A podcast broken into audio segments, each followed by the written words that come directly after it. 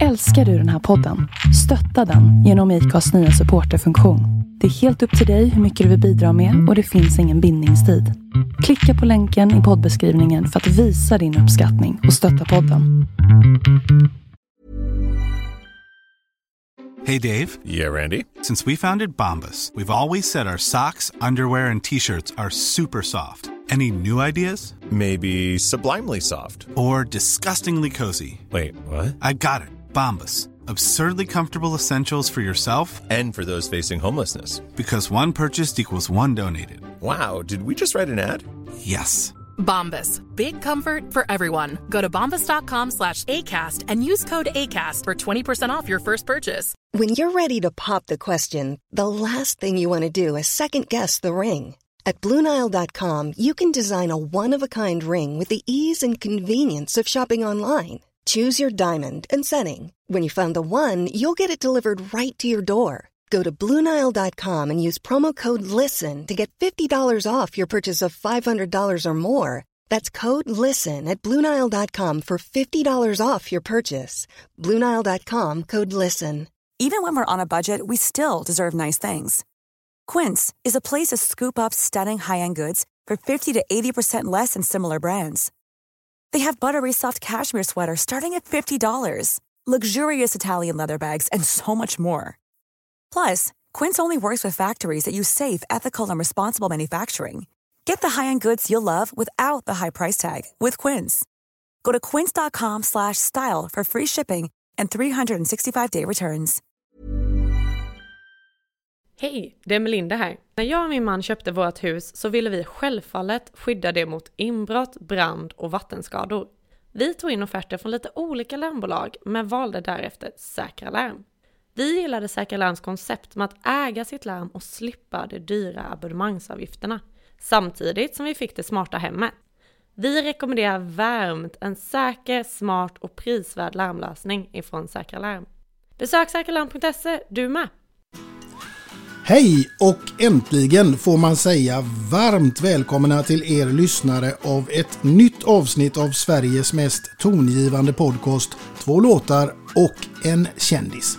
Jag har denna gång tagit mig till Uppsala för att träffa en riktig idrottslegendar med tre olympiska guld, två gånger världsrekordsinnehavare, två EM-guld och hela 31 gånger svensk mästare. Han har vunnit bragdguldet, han har fått Victoria-stipendiet och har dessutom fått Jerringpriset när det svenska folket har fått säga sitt. Efter avslutad karriär, ja då har vi kunnat se honom i massvis av olika program som bland annat Mästarnas Mästare, Landskampen, Det största äventyret och I huvudet på Gunde Svan.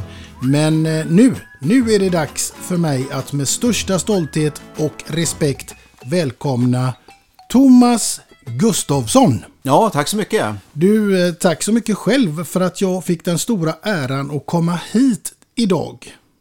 Ja, men det är självklart. Det verkar ju som en eh, trevlig inspelning så jag tänkte det, det blir bra. Mm. Det ska bli väldigt spännande att höra vad du har att säga för att jag är grymt nyfiken på massvis av frågor som gäller idrott och företag och arbetsliv och allt möjligt. Så att det ska, här ska bli spännande och så lite musik på det. Ja, men det blir jättebra det. Mm. Du, hur står det till med Thomas en dag som denna? Ja, men helt okej. Mm. Och det betyder jättebra. Det betyder jättebra. Ja. ja. Vad har du gjort idag? Kommer knappt ihåg. Det är ju, det är ju på förmiddagen. Ja. Nej, men vi har varit runt och kollat. Vi ska göra lite renoveringsgrejer och, och eh, Elisabeth var ledig, så att, eh, min fru då. Så Mm. att vi, eh, vi har kollat på... Eh, hon har dragit med mig för att kolla på lite inredningsgrejer. Se där ja. Mm. Du, eh, du är ju född den 28 december 1959 i Katrineholm, men uppväxten den skedde i Eskilstuna. Ja, vi flyttade dit när jag var riktigt liten, typ 61. Så, så ja, nej, men det var en fin stad att växa upp i också, Eskilstuna. Det var det, absolut. Vi ska återkomma till det, för vi ska ju komma in på allt om din karriär när den började och så vidare. Men det är ju så här att den här podden handlar ju till stor del om ämnet musik. Och då måste jag ju passa på att fråga dig, vad betyder musiken för dig rent allmänt? Nej, men det har ju varit, den har ju funnits med ja, så länge jag kan minnas egentligen då. Och det har ju varit sådär, eh, vad ska man säga, humörhöjare, dämpare. Alltså, musik har ju allt på något sätt. Mm. Vilken människa lever utan musik? Ja, det finns nog någon, men Ja, nej, De är men få. Det, ja, fast det, nej, men det har ju, vi, vi kommer väl prata mer om det tänker jag, men eh, det har, det har, det har varit med. Jag, jag, ja, det finns ju så mycket minnen runt musik. för er lyssnare så ska jag berätta faktiskt att vi sitter i Thomas poolhus och eh, i soffan här så har han en hög med LP-skivor. Vad är det här du har tagit fram, eh, Thomas? Nej, men jag tog, jag, jag skulle ju välja två låtar och, och, så, och det har ju inte varit lätt. Och så tänkte jag så här, ska vi prata musik och, och prata om mina val? Då ville jag plocka fram de här LP-skivorna, för det är ju lite, det är ändå lite speciellt. Jag menar, jag minns ju när man, man var ner på och stod och bläddrade bland skivorna. Det gör man ju inte idag. Nej. Idag är det ju liksom ja, olika strömningstjänster som liksom serverar musiken låt för låt på något sätt. Och på den, ja, på, när jag var tonåring då stod man ju och bläddrade efter nya plattor liksom. Och när man kom hem med plattorna så kunde jag liksom hålla upp dem och kolla så att, om det var blankt, va, då var det lugnt. och sen såg man att det var lite tätare partier tänkte man, ja det där, nu kommer det trummor och gitarrsolon och grejs. Va? Det, var ju liksom, det var ju häftigt på något sätt. Ja. Du, jag måste ju fråga då. Vilken var den absolut första plattan du köpte? Ja, den första plattan jag köpte själv, så att säga, då, det var Alice Cooper, Killer. I came into this life, looked all around. I saw just what I liked and took what I found. Så den, den, eh, den, finns med i, den finns med i min lilla hög här. Ja, Den, den ja. Ja, ja men det, det var den första. Var det omslaget som gjorde det eller var det själva musiken? Nej, jag, vet, jag vet faktiskt inte. Jag vet inte varför Alice Cooper var den första.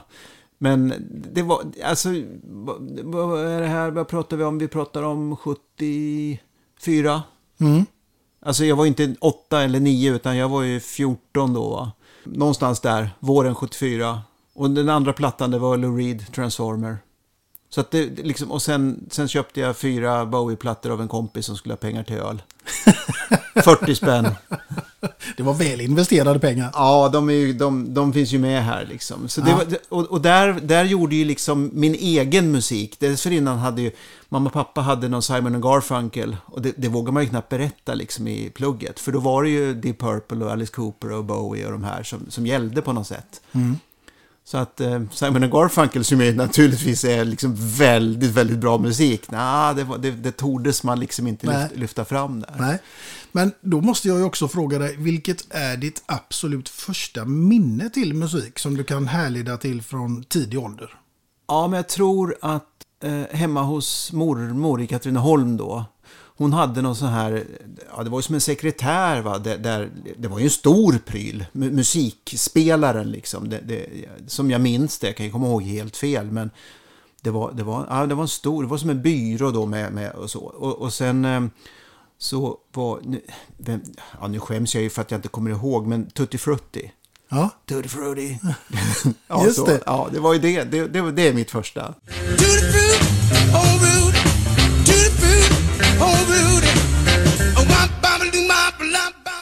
den är din första minne. Ja. ja. Och sen vet jag att jag fick, jag hade mässlingen, men då vet inte jag hur gammal jag var. Då fick jag en, en egen eh, grammofon. Och det var ju som en trälåda va, med ett lock man vek ner så här. Och där, där så spelades det ett eh, Sven-Ingvars. För pappa var från eh, Värmland. Så att eh, Sven-Ingvars fanns med där. Och så småningom så kom eh, Hepstars in i bilden och eh, I natt jag drömde. Just det. skulle vi spela nu i, i de här tiderna egentligen. Ja, verkligen. Ja, det, det kan jag tycka. Liksom. Det, det är ju en låt som världen behöver lyssna på, tänker jag. I natt jag drömde något som jag aldrig drömt förut. Jag drömde alla krig var slut. Jag drömde om en jättesal där statsmän satt på rad så skrev de på ett konvolut och reste sig och sa Det finns inga soldater mer Det inga gevär. Och ingen känner längre till det ordet militär Men ehm, ja, och sen därifrån då så var det väl The Archies, Sugar Sugar och ja, Beatles fanns med också i sammanhanget där. She Mm. Loves You kom ju någonstans. Ja, jag har ju de här, några av de här kvar i varje fall. Ja. Thomas Gustafsson har alltså ett ganska gediget musikintresse. Jag köpte mycket skivor, det Ja. gjorde jag. Ja. Har du spelat något instrument? Jag spelade ja, blockflöjt först och sen klarinett. Mm. Men, men det är ju, alltså, nu pratar vi om jättetidig ålder. Mm. Jag, jag, jag la av med klarinetten när jag började åka skridsko. Mm. För det, liksom, det, det krockade. Skridskor, när kom den in i, i ditt liv? Ehm, den, ja, jag började åka hastighetsåkning 70. November, november 1970. Vad var det som fick dig till att leda in på den karriären? Jag tror det var så här, ja, eller jag vet ju exakt varför jag började åka då. Det var, vi hade Jonny Höglin som var olympisk mästare 68. Hans syrra var Ingegärd, hon var syslöjdslärarinna då, den hösten 70. Och hon, ja, hon kom upp och prova killar. Så enkelt var det. Och då fastnade du? Ja, mina kompisar var där först då. Ja, men kom igen Gur- Gustav. Nej, jag hette Gustav då. Gurra hette jag sen va. Men Gustav, kom igen, det är jättekul det här liksom. Och, och det var ganska enkelt. Det var nära Tisstadion. Eh, vi tog oss dit själva. Och ehm, ja, men sen var det ju här, skridskoåkning fanns ju med som en central del i, i vårt liv på något sätt. Jag menar, man åkte till Gläntan eller Vasaplan eller Skogsängens IP. Det fanns liksom inom en radie på några kilometer fanns det ju en tre, fyra uppspolade banor. Och så där, ja, efter plugget så spelade vi bandy eller spelade ishockey. Mm. Så att åka skridsko var ju liksom, ja det var rätt, det var rätt naturligt. Mm. Så att sätta, sätta längre skenor på fötterna, det var liksom, ja, ja det kändes lite konstigt först, men det gick ju över snabbt. Och då fanns det en sån skrinnarklubb som du blev aktiv i, tänker jag. Ja, Eskilstuna idrottsklubb. Mm. Jajamän. Och den var, det var ju stort då. Det var ju, alltså det var ju jättemycket folk som höll på. Mm. Så det var ju inte så där som att man var direkt ensam. Utan det var ju väldigt mycket ungdomar. Så det var, det var roligt. Minns du din första tävling? Jag minns i varje fall den första tiden väldigt väl. Det Ja. gör jag. Man kan ju säga så här. Det var ju tävlingar ganska snabbt. Mm. Man var där och tränade. Inom 14 dagar så var det, då började de med poängtävlingar då. Det var ju så här lokala Eskilstuna idrottsklubb som arrangerade på onsdagarna. Då körde vi tävlingar det var, och det var ju direkt. Mm. Jag tror jag hade 65,1 på min första tävling. 65,3 på andra. 65,9 på tredje och sen 63 blankt på, på fjärde. Och, och, och, och sen gick det ner, så jag hade 53,6 i personlig rekord första året. Sådär. Men det var, inte, det var inte tävlingarna i sig, utan det var ju, alltså någonstans kan man ju... Jag vann svenska ungdomsmästerskapen första året, till exempel. Ja. Ungdoms-SM då. Det var, då kan man ju tycka, wow, vilken talang. Men år, år två kom jag inte ens med. För jag var inte tillräckligt stor. Jag var en liten, ja, jag var en liten skit. Mm. Och tredje året, då, var det, ja, då gick till Göteborg, 73 då, på Rudalen. Då kom jag sist på både 500 och 1000. Och året efter kom jag inte, då kom jag inte med. Jag kvalade inte in. Och sen året efter var jag 10 tror jag. Då gick till Eskilstuna. Och sen året efter det, då vann jag. Så att, jag menar, det var ju inte sådär att hade man bara varit fokuserad på resultat, då hade det varit så här, åh, första året, wow, vilken talang. Andra året, nej, kanske inte var min grej det här. Tredje året sist, mm, nej, nu fick man kvittot. Nej, jag gör något annat istället. Men då var det det, det var ju kul i klubben. Det var ju kul att träffa de andra och vara tillsammans. Så, så liksom, jag brukar ja, säga det ganska ofta ändå att när jag får frågan så här, var, varför fortsätter man om man inte får resultat? Den frågan skulle ju kunna ställas, men, ja, men det var kul i klubben. Alltså den här kamratskapen i klubben. Det, var, det är den bärande faktorn egentligen. Mm. Det, jo, men den har jag själv lite erfarenhet från just från eh, fotbollens omklädningsrum.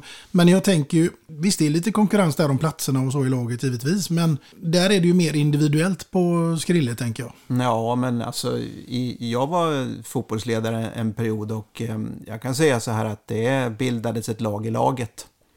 Som hade egen träning och eh, som eh, värvade utifrån så småningom. Och då, då tog det hus i helvete för mig. Alltså. Det, jag kan förstå att vissa vill mer än andra och så, och så va. Men det var inte snyggt när de, när de liksom skapade ett lag som åkte iväg på egna turneringar. Och så, plöts, och så plötsligt så, så ser man en bild i tidningen och så tittar jag så här. Ja, men det är ju våra killar. Och föräldrar ringde till mig och frågade vad var det där för lag liksom? Ja, jag sa jag vet inte. Men då har man ju, då tycker jag, då har man ju liksom ham, då tycker jag att man har hamnat fel.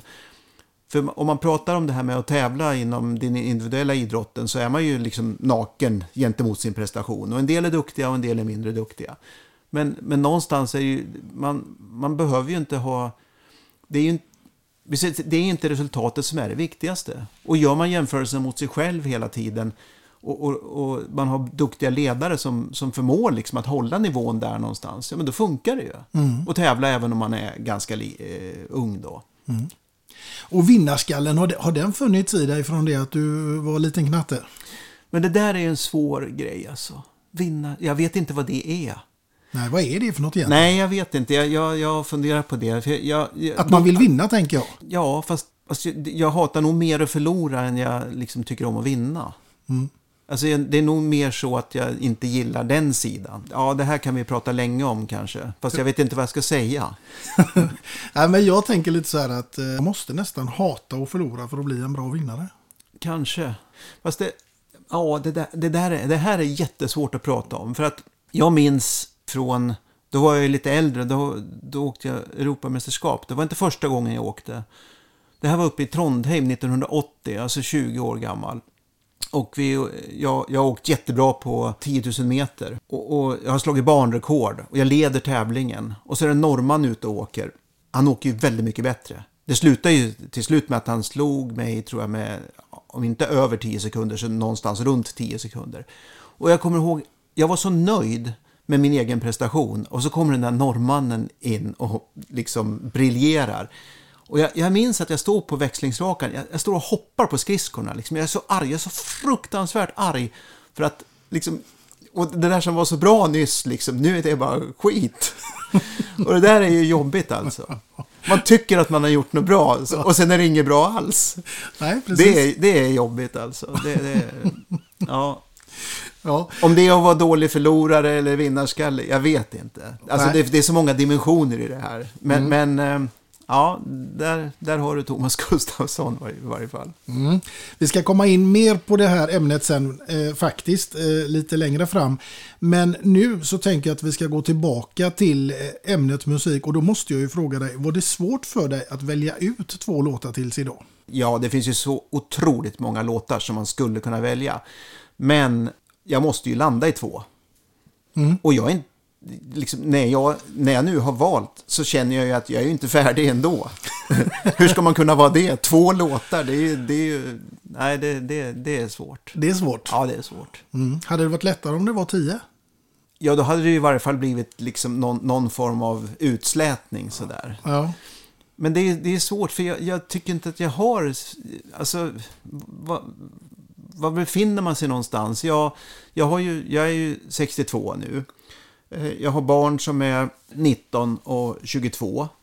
Och de har ju haft sin, sin musik liksom längs vägen. Och jag har ju tyckt om den musiken. Jag, menar, jag, jag tycker det liksom, eh, har varit fantastiskt att lyssna på deras musik. Som, som liksom har varit dansant och medryckande. Och, och, sen finns det ju viss, viss musik som jag inte, absolut inte gillar.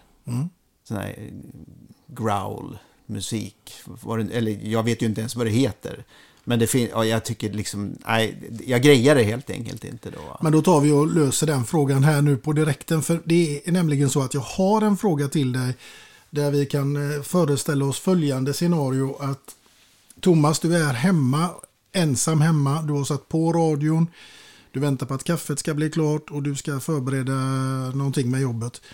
Och helt plötsligt så spelas det en låt på radion där du känner nej, det här åker av eller byter kanal.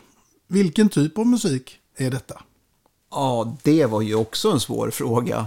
Nej, men alltså, det mesta kan ju tralla på liksom. Men, nej, men det är väl det här, liksom, den, den här musiken när, när sången blir som ett bröl på något sätt. Va?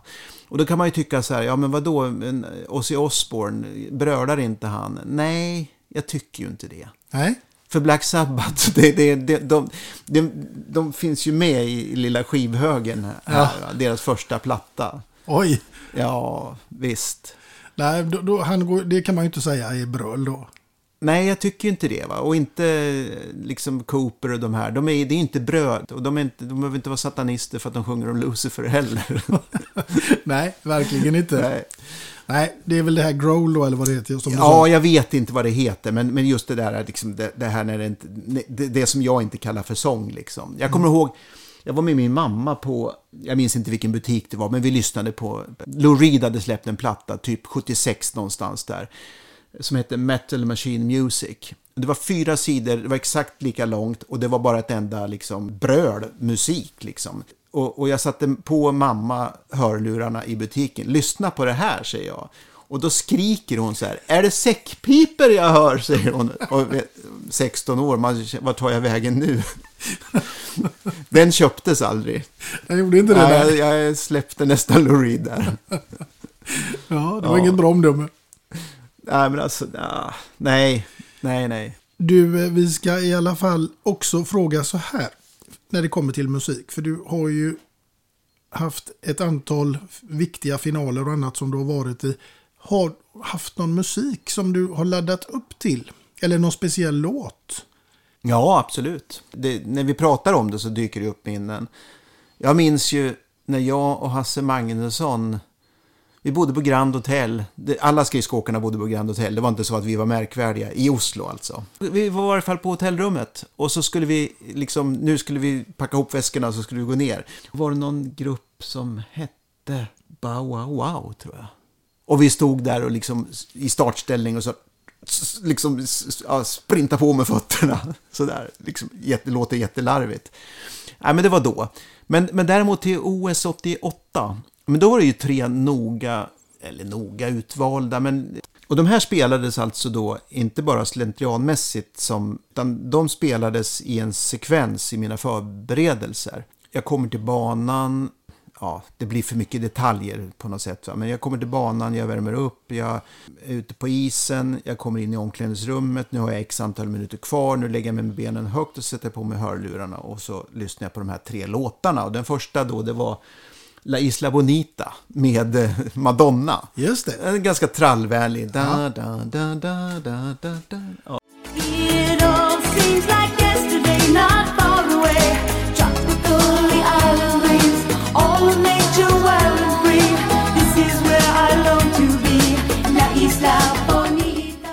Nästa låt är Hymn for the Judes med Motte Hoople alltså. Child. For I can see his love as it runs alive. Och den är ju, det, det är ju en känslosam story liksom som, ja med musik som jag tycker om då. Inte den här äh, liksom hög, eh, högfrekventa, nu kör vi musiken, utan ja, griper tag i en sådär. Och, och sen den tredje låten, det var John Cougar Mellencamp eh, som hade släppt en skiva hösten 87 som hette The Lonesome Jubilee. Och tredje spåret på första sidan var Check It Out.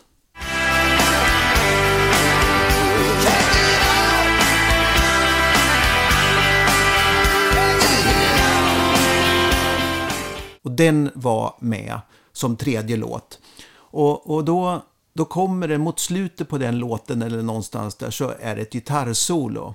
Och det gitarrsolot, det matchade jag in med liksom mentala bilder av två varv kvar. Två varv kvar. Ja, men det, var, det, är så mycket, vi säger så här, det är så mycket energi i musiken. Och just när det där gitarrsolot kommer, då känner jag liksom att det, för mig är alltså att vara offensiv i det läget. Känna liksom att det griper tag i en och någonstans. Och jag hade ju två varv kvar, det var där det skulle hända på något sätt. Så jag hade ju liksom jättemycket eh, mental laddning för de här sista två varven. Och där fanns eh, John Cougars gitarrer med liksom. Så det, ja. Är det där det avgörs i din sport? De sista två varven? Ja, jag frågade Nils van der Poel vid ett tillfälle, liksom försökte lu- luska ut lite grann. Hur tänker du liksom runt ett 5000 eller, och så? Då? För man kan ju ha liksom en taktik när man står på startlinjen att man kör liksom fyra varv si och så nästa fyra varv så. Och, sen, och han sa, alltså jag känner, mig, jag känner mig rätt säker på de sista tre, säger han då. Så. Så att visst, ja, ja det avgörs ju då. Ibland får jag frågan så här, vad finns det några likheter mellan dig och Nils? Ja, men då kan man ju säga så här, ja, men när jag vann OS 88 så när det var två varv kvar, och jag kollade upp det här nämligen, ja men då låg jag 1,1 sekund efter. Och när det var ett varv kvar låg jag 0,7 efter. Men det visste ju inte jag när jag körde. Och tittar du på Nils, han vann med 0,43 sekunder här nu, OS i Peking på 5000 meter. Och nu minns inte jag hur mycket efter han låg när det var ett varv kvar. Men han låg ju efter. Och, men det visste ju inte han. För Nej. han gick ju mot sitt schema liksom. Grejen är ju så här att, att det handlar ju om att plocka ner varvtiderna på slutet. Det handlar ju liksom om att någonstans ha krafterna kvar. Det jag minns allra bäst nu var ju Patrick Roos då, som var Nils konkurrent. Ja, men han hade 29,7, 30,4 på de sista två varven. Nu är vi inne på detaljer, va? men ändå, du kan inte avsluta så. Då, då, har, då lämnar du ju öppet på något sätt. Liksom. För, för jag menar 30,4 och så åker Nils på 28,9. Det är ju 1,5 sekunder på ett varv. Så, att- så att jag menar, ja, de sista två varven, någonstans där på slutet, det är klart att det är en väldig skillnad om du antingen kan hålla dina varvtider eller gå ner mot de konkurrenterna du kör emot tappar på slutet. Då kan man ju hämta in allt. Mm, precis. Så för mig var det ju det här två varv kvar. Det var ju, ja, och då kopplat till musiken för att få den där liksom extra känslan av att det är nu det börjar, det är nu jag är offensiv, det är nu det ska hända liksom. Det var då gitarrsolot åkte fram liksom. Ja, det fanns ju med där. Sen kanske det inte, det spelades ju inte liksom i hallen. Nej. Men det, det, det hade funnits med liksom i min uppladdning. Och kanske lite i ditt inre när du var där. Ja, fast lika mycket liksom att, att ha lagt sig ner och kört den mentala träningen, slappna av, koppla av och så visualisera de här sista eh, två varven. Hur många gånger som helst. Inte bara en gång. Nej, inte bara hundra gånger. Nej, men väl, väldigt mycket alltså. Ja. Dramatiska händelser tänker jag. Som födde både ilska och vrede. Det ledde till eh, dubbla tita, titlar i Calgary 1988. Ja, du säger vrede. Vad, vad, vad tänker du då? Nej men jag tänker att det var, jag läste att du hade haft eh, en ganska tuff motgång. Eh, var det din far som gick bort? Ja, så var det. Ja. Det, det är ju så mycket som händer en, under en period där. Jag hade vunnit OS-guld 84 på 5000 meter och fick silver på 10 000 meter. Jag tyckte nog att jag, jag, jag vann inte ett silver utan jag förlorade guldet helt enkelt. Va? Det, men sen var det ju, det var ju Igor Malkov från, från eh, Sovjetunionen då. Han fick stryk på 5000, han vann 10 000. Så vi liksom delade på det. Och det var ju otroligt små marginaler. Och efter det då så, så fortsatte jag åka skridskor. Och pappa var ju väldigt involverad. Han var ju jätteinvolverad i mitt idrottande liksom. eh, Som, ja, men som pappa och han slipade mina skridskor och sådär. Va? Så han var ju med. Och så gick han bort året efter sen. Och det var, det var, en tuff, det var tufft på något sätt. Så. Det, var, det, var en, det var en jobbig period. Och jag tyckte det kändes orättvist. Och efter det då, det här var 1985, pappa gick bort 30 juni. Och efter det sen då så kände väl, ja, det var ju sorg. Det var ju bara jag, mamma och syrran kvar liksom. Det, det, det, var, det var sorgligt. Det var, vi var så, plötsligt så insåg man att, herregud, det är bara vi tre. Det, det kändes jättekonstigt. Så pappa hade väl fyllt upp en ganska stor del där, tänker jag. Eh, utan att man tänker på det på något sätt. Då. Så var det bara vi tre. Det kändes väldigt bräckligt. Och jag, jag, ja, men jag fortsatte åka skridsko ändå, liksom, men det var nog första gången egentligen i mitt liv som jag gick in i gymmet och började trycka vikter. Liksom, och så här. Och då, det resulterade i att jag, i att jag fick en kronisk inflammation i en, i en sena, liksom i knät, som jag sen var tvungen att operera. Så att, ehm, och det var nog bra egentligen att, att det hände, för att annars hade jag nog fortsatt bara sådär på samma sätt. Nu fick jag, jag fick stanna upp. Det var ingen stor grej. Lite snitt i knät bara och kryckor några dagar. Men, men, men ändå liksom den här känslan av att stanna upp och liksom reflektera lite grann. Vad vill jag med mitt idrottande? För, det, för nu var det liksom det här, jag tar ett år i taget så får vi se. Mm. Men dels så gjorde jag den grejen, så kom jag in på en utbildning där också. Och då, ja, då fick jag lite, lite annat att tänka på. Det här var sommaren 86, ett och ett halvt, lite drygt ett och ett halvt år innan, nästan två år innan OS i, i eh, Calgary. Och då, då träffa, dels så, så, så fick jag ju annat att tänka på i form av att vi läste marknadsföring och engelsk och amerikansk historia, engelsk och amerikansk litteraturhistoria och återupptäckte Hemingway bland annat då. va. Eh, och sen eh, så, så omgärdas man ju av människor som av liksom, det är inte idrottskompisarna nu, utan nu är det ju studiekamraterna. Och en del av dem där går ju med näven högt upp i luften och ska förverkliga sina drömmar. Och det är klart att eh, om man, om man ser det runt omkring sig, man kan ju välja att vara avundsjuk på dem då som, ja det är lätt för er att eh, sova, för att man själv känner sig lite nere. Men det var fantastiskt att komma in där och, och så och kände jag, men vad ska jag göra? Ja, men jag ska ju vinna OS-guld på 10 000 om ett och ett halvt år. Det är det jag ska göra. Och det är nästan så här, varför har jag inte sett det tidigare? Så det här att med knät och, och, få liksom snitta upp det och, och så ha, en liten rehabilitering. Det var ju nyttigt för att, att, att få stanna upp och reflektera. Och sen komma in och se att, ja men herregud, människor går med näven knuten och de ska förverkliga sina mål. Ja men det ska jag också. Det var en kick Mm. på något sätt. Så det var betydelsefullt. Det kan jag tro. Mm. Och jag tänker så här, hur mycket tränade du när du var, höll på som allra mest? När jag tränade, tränade som allra mest så tränade jag ju för mycket, för då gick jag ju sönder helt enkelt. Och det var när jag var eh, 21. Då hade jag varit i USA när jag var 19 år och tränat med Erik Heiden som var stor mästare. Liksom. Han hade vunnit VM flera gånger om, och både sprinter-VM och allround-VM. Och jag åkte dit sommaren 79, blev inbjuden att åka dit. Och det var ju fantastiskt att komma till den här träningsgruppen då i Madison i Wisconsin och så få vara med Erik Heiden. Jag kände ju honom i och för sig då, va, sådär. men det är ju inte självklart att man drar dit och sen blir medbjuden på deras läger och allting sånt där. De var ju oerhört generösa. Och det var ju fantastiskt att komma, komma in i det gänget. Och liksom de träningsprogrammen var ju annorlunda än vad jag hade tränat hela mitt liv tidigare.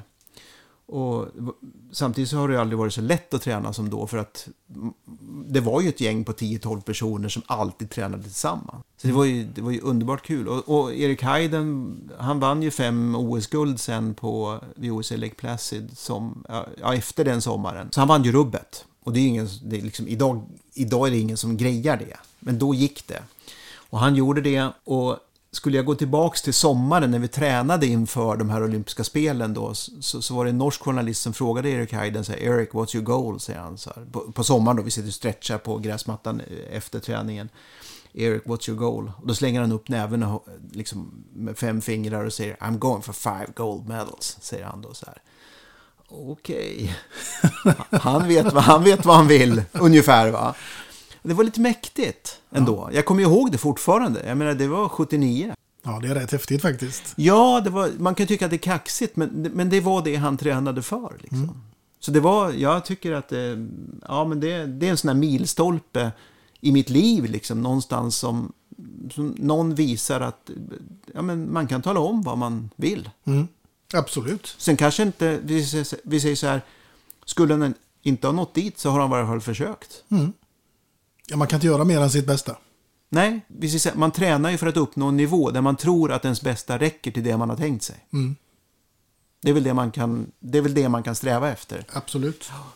Du, eh, vi ska backa tillbaka lite till ämnet musik igen. För att nu tänker jag, nu ska vi ta reda på en spännande sak här med denna frågan till Thomas Gustafsson. Nu ska du få gå in i följande scenario. Du ska ha en middagsgäst här hemma. Du får välja precis vem du vill. Död eller levande. Det är bara fantasin som sätter gränserna. Jag vill veta med vem och vad hade ni ätit och till vilken låt hade fått ligga där i bakgrunden till denna fantastiska tillställning. Alltså jag gick ju länge, jag gick ju länge när, jag- när jag var i, vad kan jag ha varit 17-18 år någonstans där, 19-20, ja, där var det nog. Och så tänkte jag så här, tänk om man skulle, alltså träffa, träffa David Bowie. Det vore väl häftigt. Ja, verkligen. Ja, men så började jag fundera så här, men vad skulle man säga då? Oh, I like your music. Nej, men alltså, och då, då började jag tänka så här. "Ja, Det skulle ju kännas helt förfärligt att träffa en sån person. Vad skulle man säga? Och vem är jag? Alltså, Ja. ja. Men nu är det ju inte han som, som ska sitta som, som middagsgäst. Man kan ju bli besviken. Ja. Och då är det bättre att få ha liksom, illusionen av att liksom, någonting annat. Ja. Han skulle säkert ha rökt alldeles för mycket dessutom. Så att, eh, och det, det, det hade man kanske inte vågat säga nej till honom då. Nej. Ja, men jag, ska- jag, det är nästan så jag skulle känna, nu efter pandemin här, man, det är ju må, må, många personer man, man, man vill liksom sitta ner och prata med. Alltså min, min tränare från gamla tiden, vi, brukar, vi hade ju ett företag ihop också, vi, vi brukar ha rätt bra samtal sådär.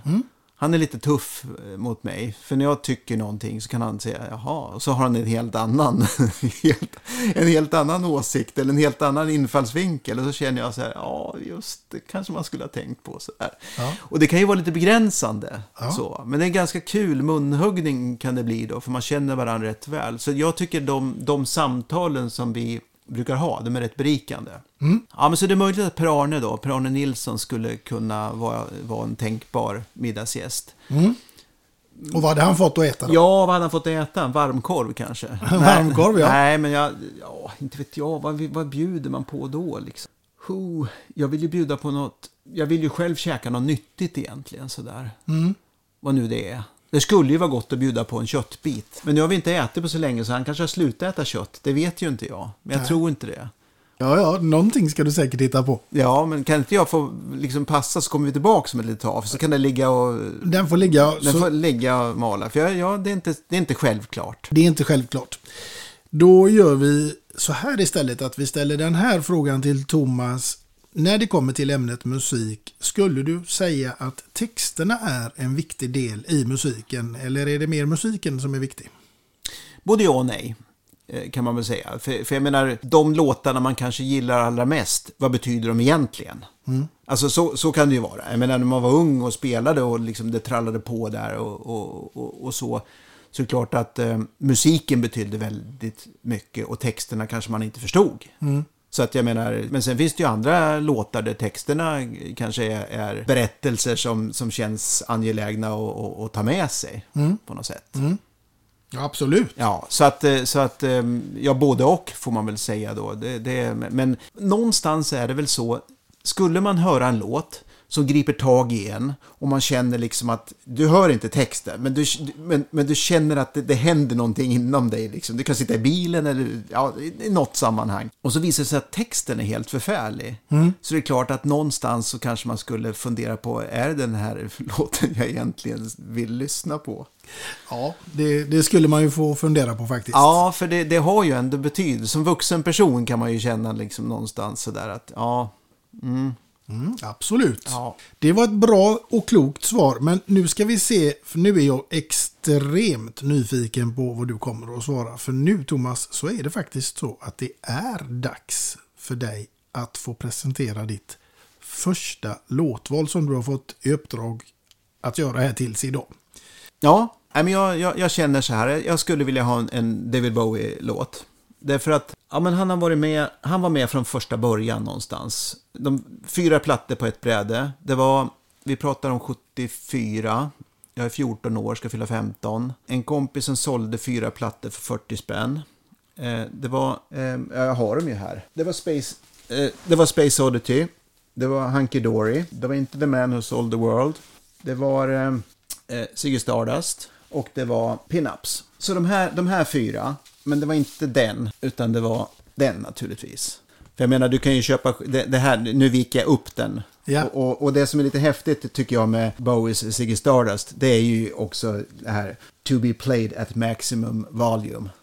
Ja, det är riktiga rariteter du eh, Ja. visar upp här nu måste man ju säga. Ja, men jag, tycker jag tycker liksom, det, det, det har ju betydelse. Jag menar, när, när vinylen är slutspelad och man köper dubbletten så får du ju inte, liksom, du får inte det här, upp, du får inte det här uppvik, utan du, får- då får du det här. Ja. Och det är inte samma sak. Nej, verkligen inte. Nej, men, då, men då, har jag, då har jag tänkt så här. Vad ska jag välja nu då? Då tänkte jag så här, ja men Bowie. Jag skulle ju kunna välja Lazarus från hans sista platta som han eh, spelade in när han visste att han skulle gå bort. Just det. Och den låten är ju extremt stark, tycker jag. Men, men, det, men den, det känns inte som... Ja, den skulle ju liksom kunna summera David Bowie på något sätt då. Men så känner jag så att, att de, här, de här plattorna som jag, som jag har här, de här, det här är ju det som har funnits med hela tiden. Ja, men jag lyssnar ju fortfarande på Hunky Dory. Men, men, men grejen är så här, att, grejen är så här att, att om jag sätter på eh, Hunky Dory, då kan jag känna så här att, att ja, men det går inte att spela en av låtarna, därför att det är ett, det är liksom, det är ett sammanhang. När CD-skivorna kom så var det en uppdelning. Det, det, liksom, det, det blev som att, att det var ett mellanrum mellan låtarna som inte finns. Det här knastret som, är, som, som finns, det hör också till. Ja, men när Changes är, är liksom första låten då, när den är, när den är färdigspelad så kommer Eight Line Poem. Ja. Och den glider ju över i Eight Line Poem. men men på en, redan på CD-skivetiden liksom, så var det ett mellanrum där. Och det störde mig alltså. Jag gillar inte det, det här djupet som finns liksom när du lägger på nålen och det knastrar. Alltså det, det, det är ju oslagbart. ja, så är det faktiskt. Ja. Så, så, och jag tänkte så här, ja men Changes, är inte det, är inte det liksom låten? Nej.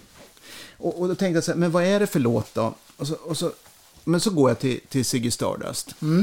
Och, och så tänker jag så här att, att jag har ju genom åren ändå känt att om jag skulle bli tillfrågad i något sammanhang, Thomas, du får stå på scen. Och så får du köra en låt. Och, och, och då har jag genom alla år tänkt att jag ska köra just Ziggy Stardust, den låten. Så det, det, är liksom, det är mitt val. Ja, LPn heter ju The Rise and Fall of Ziggy Stardust and the Spiders from Mars, va? men låten Ziggy Stardust, som är då, är väl, ja, nu kommer jag inte ens ihåg, va? men fjärde låten på andra sidan.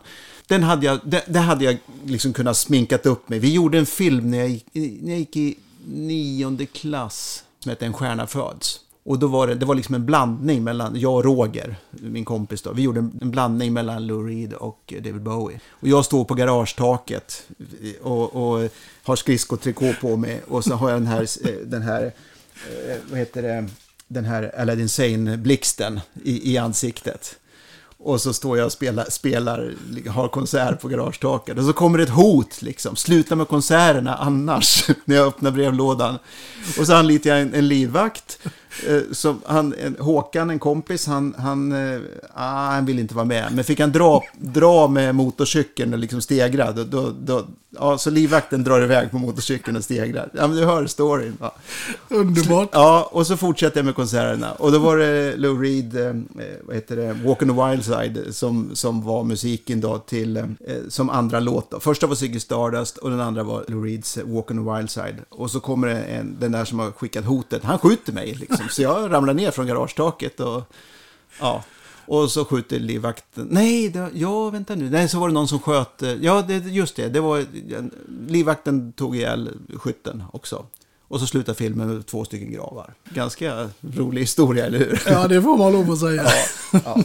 Nej, men Ziggy Stardust, det, det är min låt alltså. Ja, då tycker jag att vi tar och kör den här nu, Thomas. Ja.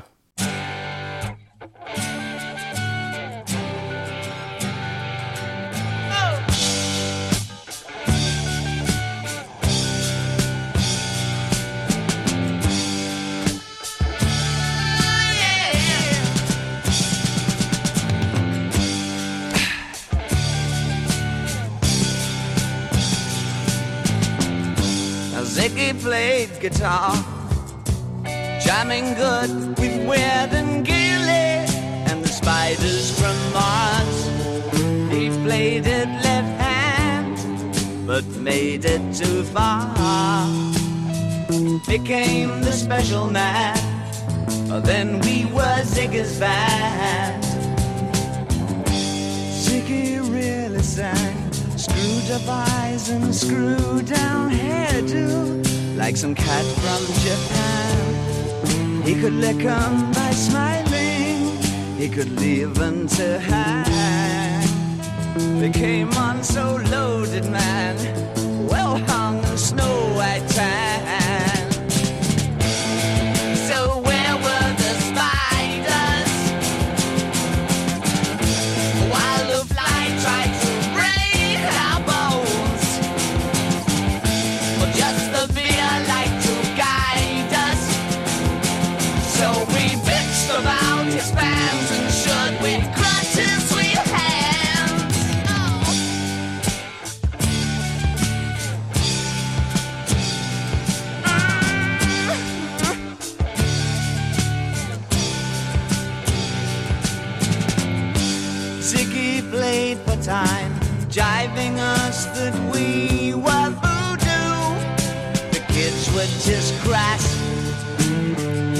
Was the Nas with God given ass.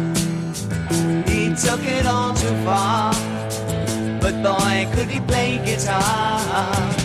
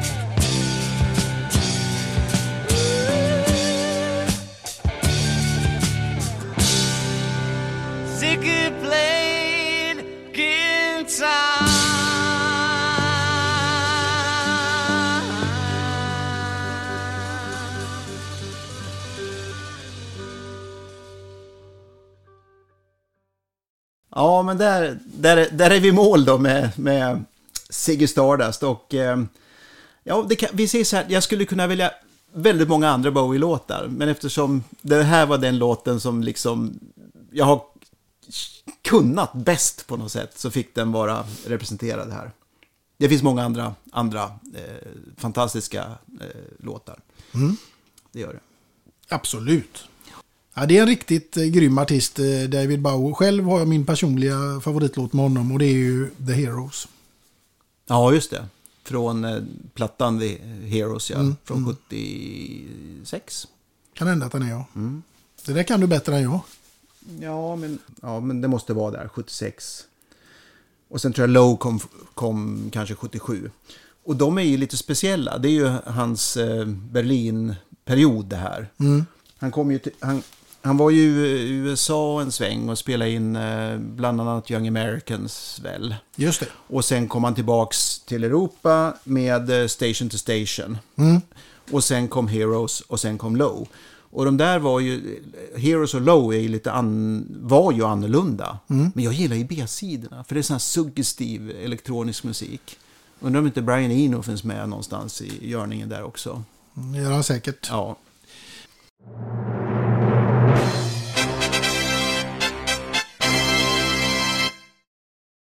Oj, Thomas, där kom det en eh, signal. Känner du igen den? Ja, jag tror det ja. Ja, den innebär, förstår du, eh, fem snabba till Thomas.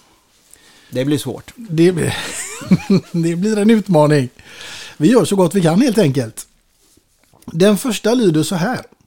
Vara bäst bland de sämsta eller sämst bland de bästa. Ja, men jag får nog köra sämst bland de bästa i såna fall. Mm. Fulöl och fuldans eller skumpa och rumba. Ja, men nej, det, det, skumpa och rumba. Får det bli? Ja, precis. Ja. Vilka, vilka konstiga val. Ja, nej men det är konstiga frågor. Eh, en ridtur med Babben Larsson eller ett fallskärmshopp med Claes Malmberg. Ja, men jag är allergisk mot hästar så det får bli fallskärmen där. Ja, Även om jag tror att det är lite halvrisky. ja det, det kan det nog bli. Ja, just med Malmberg alltså. Ja, precis. Blått och flott eller grönt och skönt i en månad framöver. Ja, men grönt och skönt. Det ligger nog närmast mig. Mm. Vara med i Bonde söker fru eller vara med i Farmen. Nu har inte jag sett de här programmen så att jag vet ju inte vad jag väljer mellan dem. Men eh, ja, jag, jag, jag, jag tror nog Farmen. Farmen där. Ja, jag tror det. Ja. Jag, som sagt, är inget fan av något av det. Nej, nej, nej, men här måste man ju välja ett. Ja, jo, men då får det bli Farmen. Det, lå- det låter mm, mest spännande i sådana fall. Ja, men jag tror du skulle kunna vinna den. Ja, det är möjligt. Du, när vi ändå är inne på det här. Det gick ju för övrigt rätt bra tycker jag med de här fem snabba. Det blev inte så mycket betänketid ändå. Det var ganska klara val. Ja, något ska man ju välja. Precis. Mm. Men eh, du, du valde ju också att vara med i Mästarnas Mästare som för övrigt är ett program som jag älskar. Verkligen. Jag tycker det är helt fantastiskt. Eh, och dels att få träffa och se alla de här gamla idrottslegendarerna. Eh, och man skulle ju vilja vara en liten fluga inne på väggen ibland. För jag misstänker att det, den där vinnarskallen, det är en sak, ja, vad vi nu ska kalla det för då, som alla de här människorna har gemensamt på något sätt. Ja, alltså det, är du med så är det ju olika moment och, det är klart att, att du vill lyckas i de här momenten, så är det ju. Men det är svårt. Jag tycker det är svårt. Nu var ju inte jag med ge- genom hela programmet utan jag åkte ut då, men, men, eh, nej, men det är... det- Ja, är det någonting som känns, eh, känns eh, lite orättvist så kommer det påtalas. Ja, så är det. Men, men, eh, nej, men det är ju en trevlig programidé. Och, och, och det som, alltså jag tycker ju, i alla de här programmen, inte bara Mästarnas Mästare då, som jag har varit med i, så, och kanske det roligaste programmet som jag har varit med i, måste jag säga, är Det största äventyret. Där vi blev, blev droppade mitt ute i ingenstans och, och sen skulle ta oss tillbaka till civilisationen. I grupper då. Det var, det var kul. Det var roligt. Det Hur var- stor var gruppen? Ja, vi, var, vi, var, vi var fyra stycken. Vi var två lag med fyra i varje. Ja. Olika viljor. Ja, det är ju, hela, det är ju liksom programidén någonstans då. Va? För jag menar, det är ju på riktigt. Så, så att du, du vet ju inte... Du, vet, du, du blir droppad och så vet du inte vart du ska någonstans. Och så ska man ju då komma överens om att vi ska gå åt det ena hållet eller det andra hållet. Och det formas ju snabbt ändå någon form av... Det, det beror ju naturligtvis på vilket gäng man är med i. Det kan ju bli jättestora konflikter i, gänget eh, huruvida man ska gå åt det ena eller andra hållet. Men jag tycker vi, vi, det var i mitt lag då, så, eller mitt lag, det, i vårt lag så var det Per Elofsson, Erika Johansson och Sofia Mattsson. Så det var ju liksom skridskoåkning, skidåkning, eh, längdhopp och eh, brottning. Fyra individualister då som, eh, nej men vi hade, vi, vi hade en fin resa. Inga konflikter. Jättetrå- jättetråkigt för de som filmar, för de vill väl att vi ska rycka ihop lite grann. Ja, de vill ha bra tv. Ja. Ja. Men eh, hur, hur gick det för er? Det gick bra. Det gjorde det. Vi, vårt lag, vi gick till final. Det, det, det är ju en ganska... No, vi säger så här, det laget som förlorar då, det här har ju bara sänts ett par gånger. Det är en ganska, jag tror att det är en, jag tror att det är en väldigt dyr produktion. Och, eh, för vi var ju, vi vart ju droppade i, i Mexiko. Och nästa, nästa resa var Alaska. Och sen var det Malaysia och Namibia. Det var ju liksom en pilotomgång, man testade idén då. Så, där. så att det var... Det var, ja, det var helt fantastiskt. Men vad jag skulle komma till egentligen, och det gäller ju även Mästarnas Mästare och de andra. Jag tycker ju att det, det roliga är ju inte bara att, att liksom vara, vara där som deltagare, utan det roliga är ju att det, det är en produktion som, som man gör tillsammans. Och alla vill ju, vill ju att eh, den här produktionen ska bli så bra som möjligt. Men just vad jag, vad jag tänkte på med, med, med Största Äventyret är ju liksom när man kommer till flygplatsen och det är miljoner grejer som ska in så är det ju ett, liksom ett långt led och langen går liksom med väskorna. Det går ju väldigt mycket snabbare när man gör det, det samarbetet. Och jag tycker det är kul, va? därför att vi gör det här tillsammans. Mm. Ja, verkligen. Verkligen. Så det är inte bara liksom det här som syns i rutan och, och, och, och det och, omtagningar och lite sånt där. Utan det är, det är liksom hela, hela grejen. Även, även när du reser så att säga. Så, så är det en del av äventyret som sådant. Du, eh, en fråga som jag sitter här och lurar lite på. Det är, när blev du egentligen Thomas Gustafsson med hela svenska folket? Ja men du vet, det har jag aldrig känt. Det, det där som du säger nu, det, det får någon annan säga i sådana fall. För jag är, jag är eh, Eskilstuna-killen som inte tycker att han är någonting mer än en annan.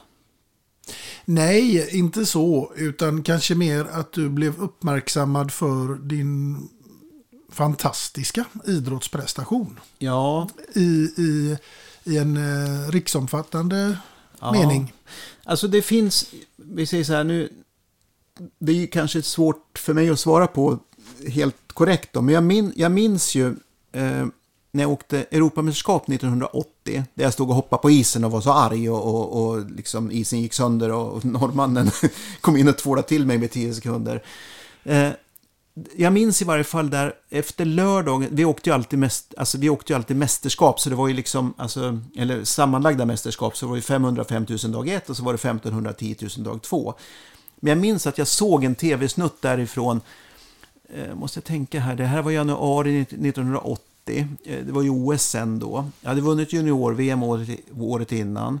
Jag hade, även, nej, jag hade inte åkt junior-VM det året än, men Eh, Jag har för mig att Arne Hägerfors eh, efter den första dagen sa, var det en ny svensk skridskostjärna som tändes här idag? Någonting sånt. Så det var väl liksom ett, ett liksom, nu nu tände man i varje fall lyset någonstans. Att, ja, han finns den där Gustafsson.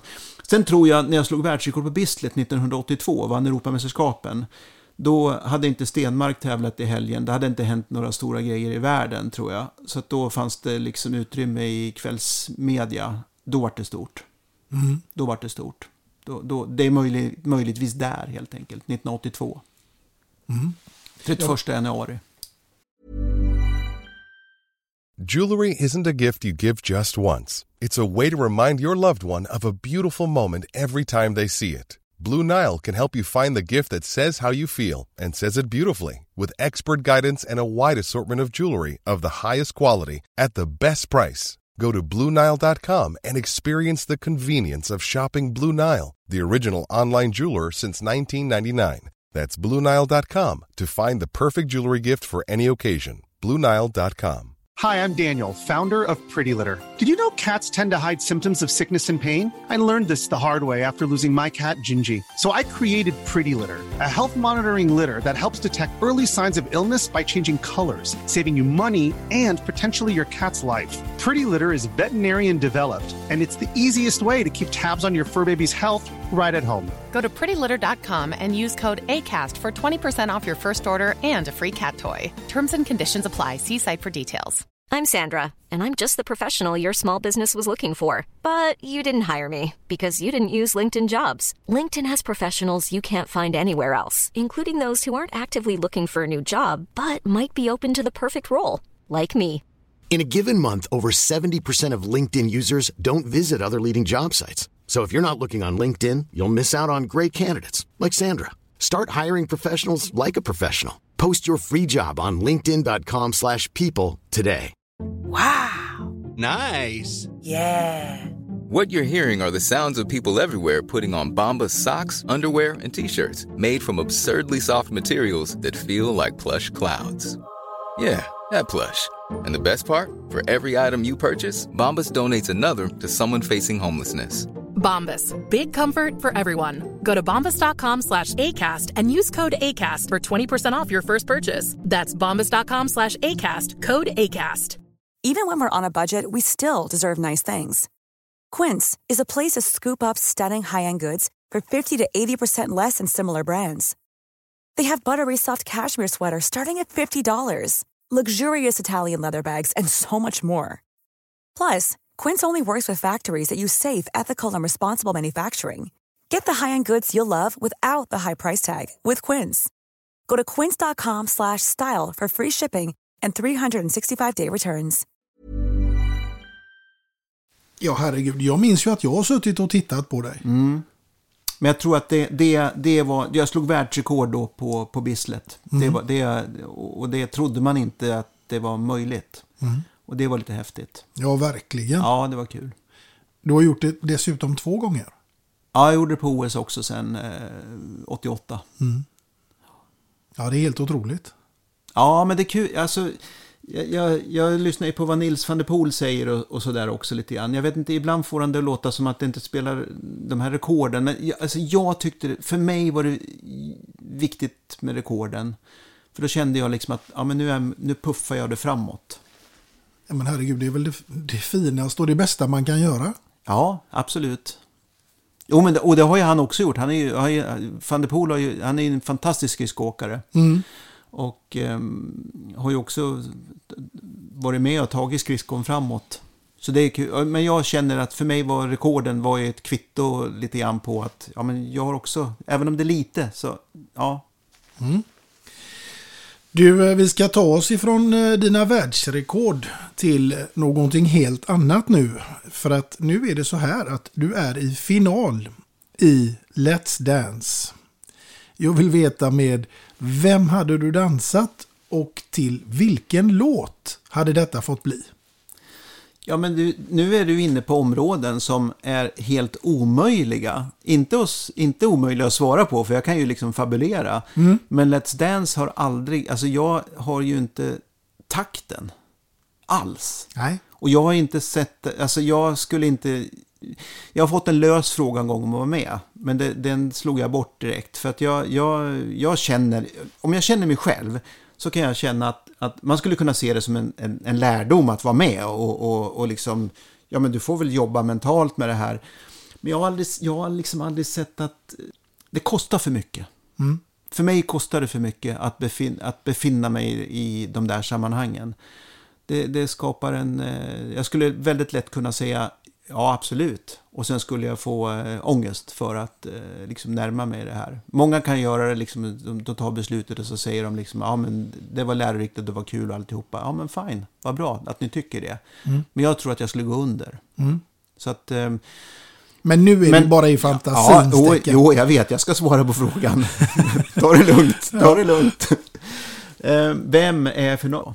Ja, men då får jag väl ta med min fru så får vi dansa där helt enkelt. Det Elisabeth. Får, absolut. Det kan jag väl få göra? Ja, det får du. Ja, men henne skulle jag känna mig trygg med då. Ja. Sen är väl inte vi några dansörer på sådär direkt. Nej.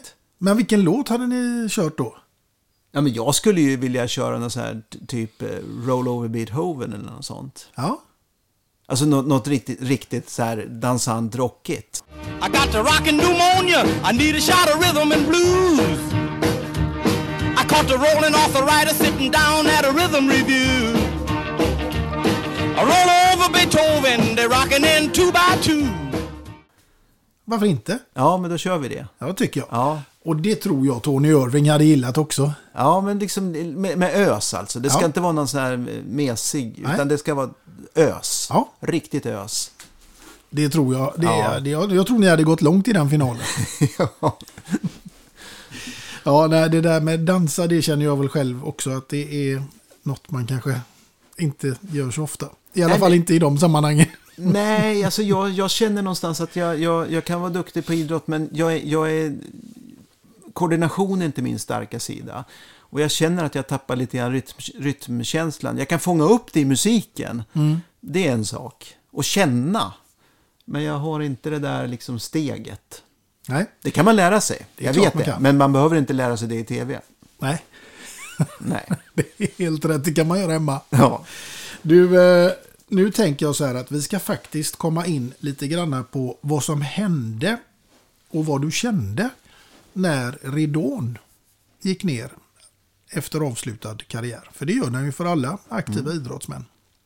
Hur var det för dig där? Ja, det var skönt. Det var, det var verkligen skönt för att jag hade kommit till en punkt där det inte fanns någon fortsättning. Och att kunna ta beslutet att faktiskt lämna eh, skridskobanan, det var befriande i det läget. Och det låter ju väldigt eh, tråkigt att det ska vara på det sättet. För man skulle ju kunna tänka sig att man slutar när man är på topp. Och det låter ju inte som att det var så för min del. Och det var det väl inte heller. För att eh, jag skrev en hel del på den tiden. Och jag minns ju hur jag skrev om eh, vid OS i Calgary 88. Hur, det är ju så här, man, man går ner i en tunnel under isen för att komma upp på inneplan.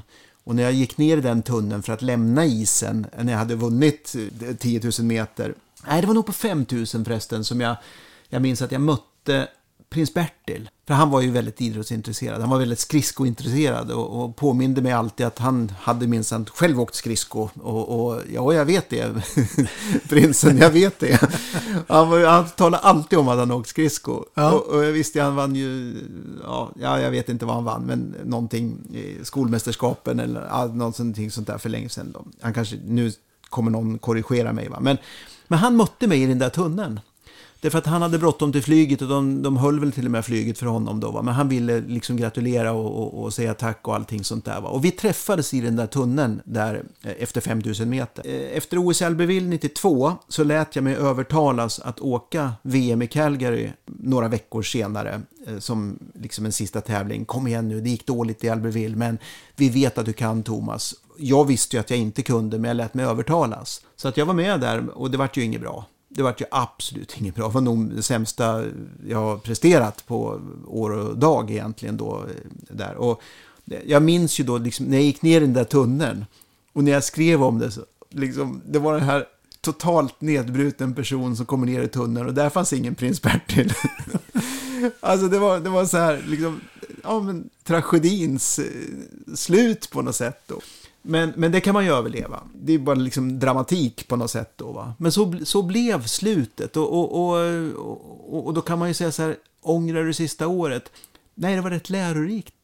Mm. Varför ska man plocka bort det sämsta? Det, det, nu är det ju bara idrott vi pratar om och så. Va? Det finns ju andra förfärliga situationer som man naturligtvis inte vill vara med om överhuvudtaget. Men, men i det här fallet, om, om jag skulle titta på den här 14, från 78 fram till 92 när jag åkte seniormästerskap. Om jag skulle plocka bort de fyra sämsta åren.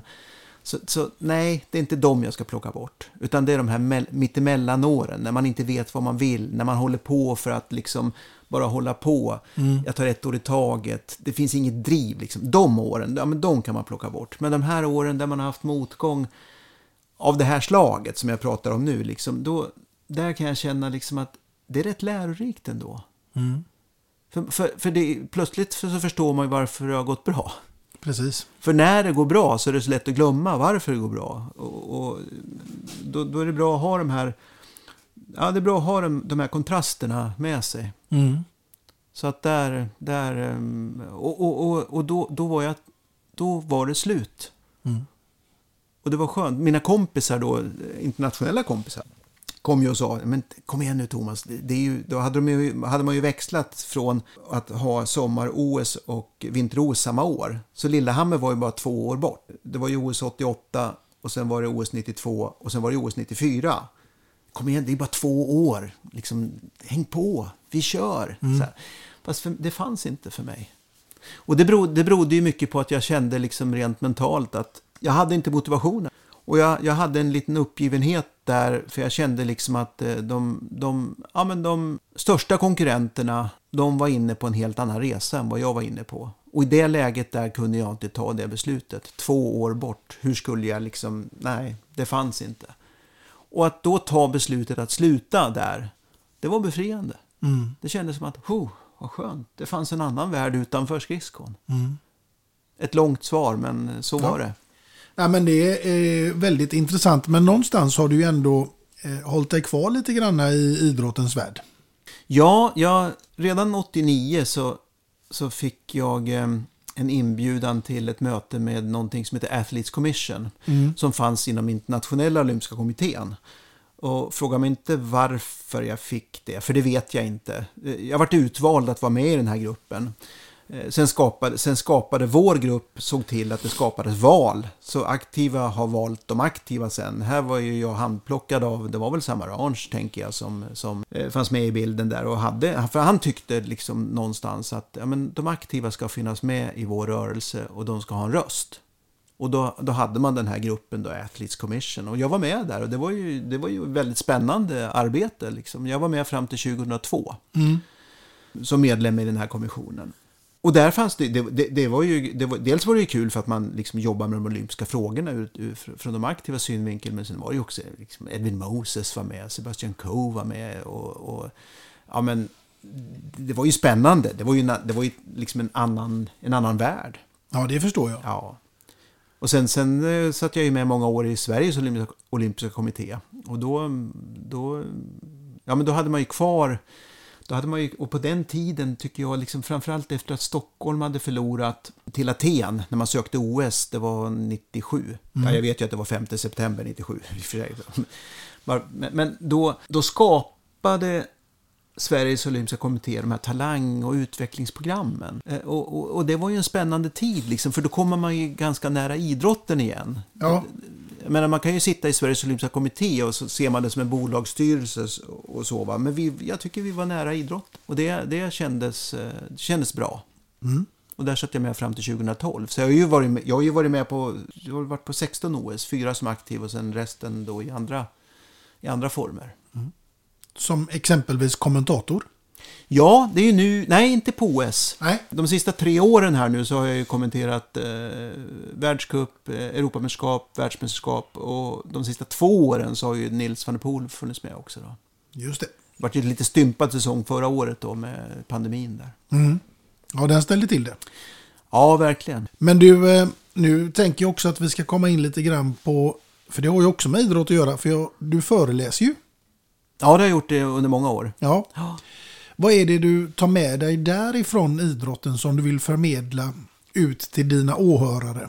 Ja, men alltså, vi säger så här. Det, om, du, om du möter en publik så kan du ju tänka dig så här. Nu sitter det 60 personer här.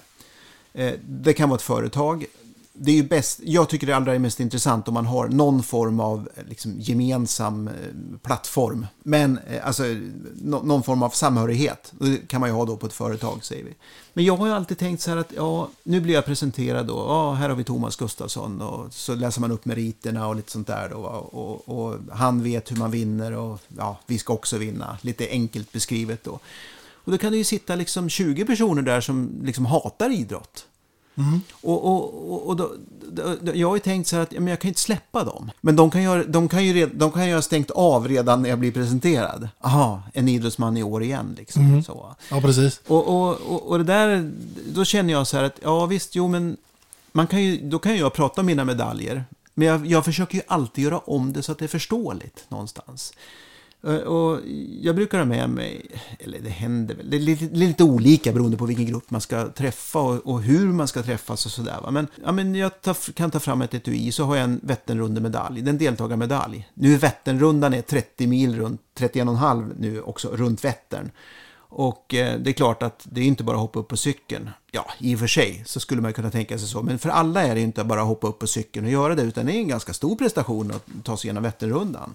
En del gör det på eh, sju timmar, en del gör det på åtta, nio, tio, elva, tolv. Det finns de som håller på liksom hur länge som helst. Men alla får den här medaljen.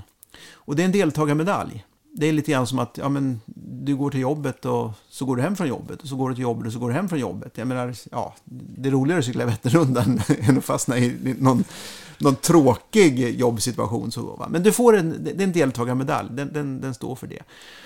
Och jag har nio sådana. Det hade väl kunnat vara kul att ta den tionde också då. va? Så. Men oavsett det då, så det är, den, det, är, det är medalj nummer ett. Medalj nummer två, det är ett SM-guld. Och, och symboliken i SM-guldet, det är ju lite grann så här, ja, det är lite olika inom, inom olika idrotter naturligtvis då. Men, ja, men här måste jag ju ändå liksom fundera igenom lite grann. Vad behöver jag ha för kvaliteter för att lyckas med det här? Det, det, är, inte, det, är, liksom, det är inte självklart, utan vi måste tänka efter. Och vi, vi, vi kanske behöver lägga det ett par år bort så att vi får jobba, jobba med de kvaliteterna vi behöver jobba med för att nå den nivån så att vi har möjlighet att ta den här medaljen. Och den tredje medaljen är ett OS-guld. OS-guldet i det sammanhanget, symboliken är ju liksom en långsiktig målsättning som finns någonstans kanske 7-8 år framåt i tiden. Ett företag, de, de ville bli bäst i Sverige genom sin, inom sin bransch. Ja, okej. Det var åtta grupper som skulle träffas då. Liksom. Så jag la ett SM-guld på varje bord. Du sa ju det inledningsvis här att jag hade 31 va? Så jag kan ta 31 grupper. Men jag la, jag la en SM-medalj som, som liksom lite så här, ja men symbolik för vad de strävar efter. Och sen hängde jag ett OS-guld på vdn då, för jag sa, du som vd så har du säkert en liten, lite mer långsiktig plan än bara det här SM-guldet. Du har säkert nästa steg planerat redan.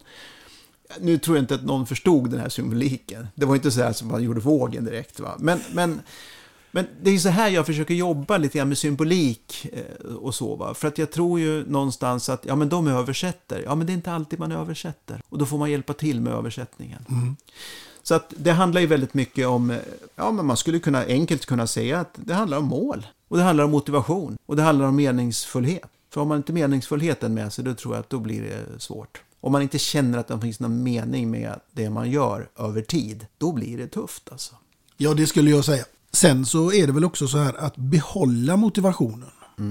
Det är tufft alltså. Då Ja. tänker jag Ja. jobbmässigt här, man, eh, man ska prestera och har man en budget exempelvis, den ska hållas och den ska, den ska gärna slås och så vidare. Ja, ja jag, var delä- jag var delägare i ett, i ett bolag. Vi var ja, men, som mest 97 anställda, någonstans där.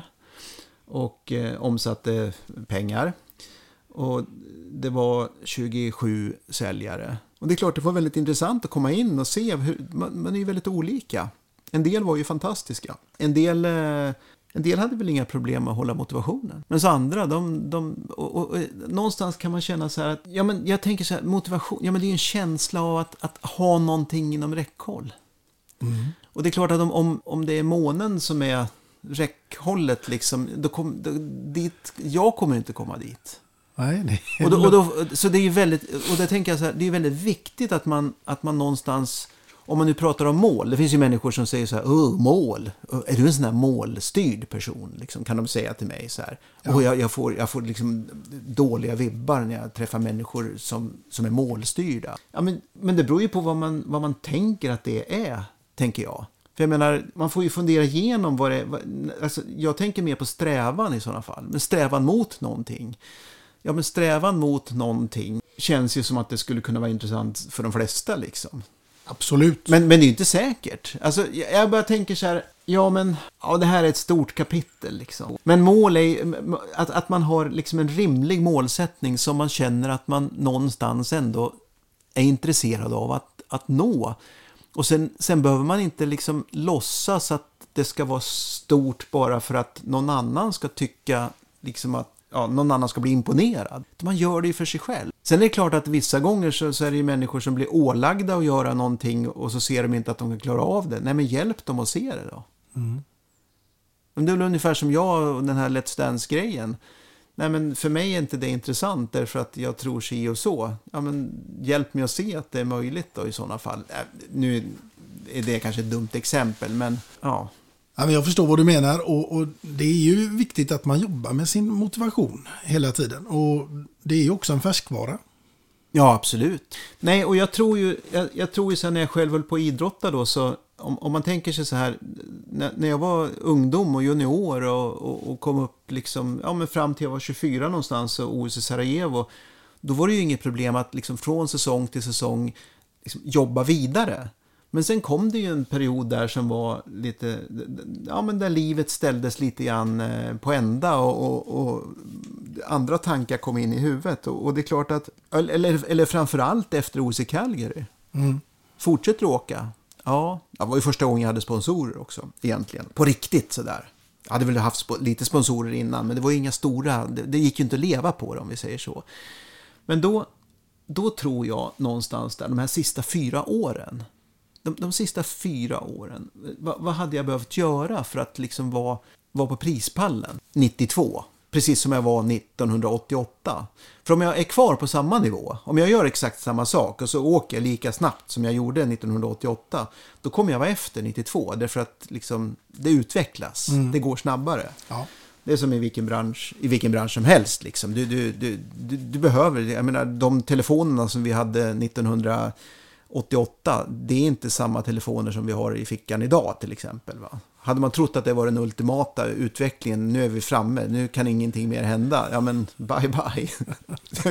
Och sen kan man ju fundera på vettigheten i, i, i allt det här. Va? Måste det bli bättre hela tiden? Ja, det blir det. Det är för att det är alltid någon som liksom fnular på någonting nytt.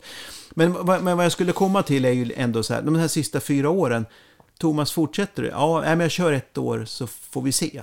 Och då tror jag liksom att då har man, då kör man med samma recept som man hade tidigare och då håller man sig på samma nivå i bästa fall och då blir man efter. Så, så det är ju samma sak där, även om du, har, även om du står på topp så måste du ju tänka igenom, ja, men är, om fyra år, hur ser det ut då? Ja, men då, då ser det nog ut så här. Okej, vad behöver jag göra för att vara med där borta? Det är ju samma resa igen liksom, Mm. som man gjorde tidigare. För att när man står ett år innan Calgary till exempel, så är ju inte jag så, så bra som jag behöver vara. Men jag har ju ändå, liksom, jag är någonstans i närheten. Jag har ett förhållande till mina konkurrenter. Jag vet vad jag behöver förbättra för att liksom vara med i, i matchen. Men ett år i taget, då är det lätt att man gör det gamla, Mm. tror jag. och, och då blir det inte samma udd. Det, det, man, kör, man kör inte ända fram till målsnöret liksom på intervallerna. Eller man, man, man kör en timme kortare på långpasset. Det, är lätt att det blir så. Mm. Och då är man fel ute. Ja, jag tror det. Eller man tar sig inte framåt i alla fall. Nej, jag tror ska man skapa den där riktiga motivationen så, så handlar det inte om att överleva året utan då handlar det om att se vad kan jag göra liksom i det här perspektivet som sträcker sig några år framåt i tiden. Mm. Sen kan ju det vara som, precis som för Nils van der Poel, jag ska sluta i två år. Och sen, men, men jag menar, jag lägger inte av, men jag, ska, jag, jag, jag kan inte hålla på med det här. För jag kommer inte att greja den här monotona liksom, träningen som jag har gjort tio år. Utan jag behöver sluta i två år. Mm. Och så, sen så kan jag, har jag liksom motivationen för att göra det som krävs för att nå upp till toppen. Ja, men det är ju smart. Det är smart. Ja. Du Thomas, nu ska vi gå in på något som är smart också faktiskt. För det är nämligen så att det är dags för ditt låtval nummer två. Och nu är jag ännu mer nyfiken Mm. efter att ha hört ditt första vad det skulle kunna vara. Ja, men då får vi blä- bläddra förbi Bowie, för det blir inte två Bowie. Och, och Alice Cooper Killer här, den, den lägger vi åt sidan också. Här kommer de ju. Det här, här, här är de ju då liksom, de här. Jag kan gå lite snabbare förbi dem. Så sitter Thomas här, kära lyssnare, och bläddrar bland alla sina rariteter. Ja, här har vi The Purple Machine Head till exempel. Köptes den 28 december 1974. Körde moppen ner till skivbutiken och inhandlade denna. Jajamensan. det, finns ju ofta en liten, det finns ju ofta en liten koppling till de här. Liksom. Ja, men det är, jag tycker det är lite, lite så här. Ja, men det var när jag, den dagen jag fyllde 15 och körde moppe lagligt första gången. Då åkte jag till skivbutiken. Och då köpte jag The Purple Machine Head. Liksom. Ja, men där är var den. Ja. Crescent kompakt, skivan på pakethållaren. Hem. Världsklass. ja. Och här har vi då Black Sabbath med NIB, liksom, som min dotter gillar också. Så, Ja. Ja, det var den du inte fick slänga. Nej, att slänga? Nej, nej, nej. Men sen är hon ju besviken för att jag inte har fler Black Sabbath-plattor. Jag har bara den. Jag har bara den. Så jag är inte något äkta fan, liksom. Så. Men jag älskar den musiken. Jag tycker det är, jag tycker det är mäktigt, alltså. Sen har vi ju Status Quo. Eh, Quo då, från 1971. Grymma. jag. Ja, men här, är- här är det ju ös. Ja, ja, här, är det, absolut. här är det ju riktigt ös. Va? Så det, det här, det, det här om, om vi nu ska ha liksom spinna igång riktigt ordentligt så. Va? Men, men det, tycker, det är inte mitt val. Nej. Det är inte mitt, vi kommer till. Jag, jag, jag tog bara med det som finns liksom. The Doors. Ja. Bra musik tycker jag. Sen har vi eh, Rolling Stones Black and Blue. Den här tyckte alla, ah vilket miss, vilken dålig platta. Jag älskar den här plattan. Black and Blue liksom. Är, ja. Många andra låtar också, Angie och de här va. Sen så kommer vi in på de här. 1495 på eh, rea. Den hade man ju köpt bara på grund av omslaget. Ja, men det, ja, nu pratar vi Roxy Music alltså. Och, och då, har jag, då, då, då tänkte jag, jag måste ta med de här. Ja. Men det är inte heller det jag ska spela. Jag tänkte, spela, jag, jag, jag tänkte så här, en väldigt, väldigt fin låt är ju alltså, den är med på slutet här, Bittersweet med Brian Ferrys röst alltså. Åh, det är så jäkla bra. Så de, här, de, här, de första fem eh, Roxy Music-plattorna, Ja. det är Rox, Roxy Music för mig. Jag tycker de här är bra alltså. De gillar jag, men de ska jag inte spela. Nej. Och så var jag tvungen att lägga med, eh, vad heter det? Pink Floyd. Pink, Floyd, ja. Fr- Från 1975. Jag kommer ihåg jag var med med en eh, kille, Lennart Karlsson, som var liksom landslagsstjärna när jag, vi, vi skulle åka VM 78 i Göteborg. Och så, så åkte jag med Lennart till en skivaffär, så går han in så här. Du, har ni Allan Parsons Project? Det är han som har producerat Dark Side of the Moon. Det var liksom så här, wow, man, man var med där, 18 år gammal, liksom gick med och, oh, Alan Parsons Project, kanske man skulle lyssna på. Ja. Men han, han, hade, han finns med här. Va? Det här är ju en platta som är lite läcker. Och det går inte att välja en låt. Ja, man kan välja Time till exempel. Då, va? Men den, den är lite för stökig tycker jag här. Mm. Och sen kommer vi in, sen kommer vi in då på, på Uffe Lundell, Vargmåne. Ja, Just men den är, ju, den är ju skön tycker jag. Va? Och, och så har du Nådens år, som sen döptes om till Dådens år. Och där, nu, nu, är, Nu vi framme, vi. nu är vi framme vid, vid låt nummer två. Som, och det här är ju så himla svårt. Jag menar, de jag har bläddrat bland här nu, va? Mm. Det, det skulle man ju kunna välja någon låt sådär. Och eh, jag har ju flera flyttkartonger också med, med eh, Peter Gabriel och det finns, ja, men det finns mycket Mm. där uppe på vinden liksom som, som skulle kunna snurra. Men, men jag gillar, alltså jag gillar de här första Lundell-plattorna. Ja. Och, och den låten jag har valt då, den heter Kitsch.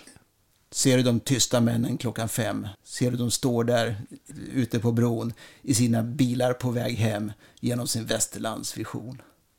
Alltså, den texten, om vi nu pratar texter, ja men den tycker jag är, är eh, ja den, den gillar, jag gillar den låten.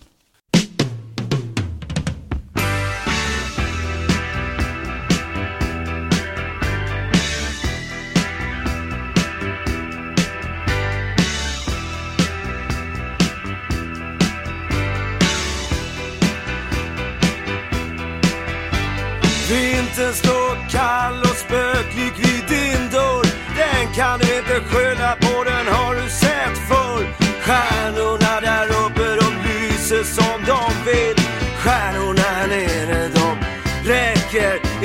till.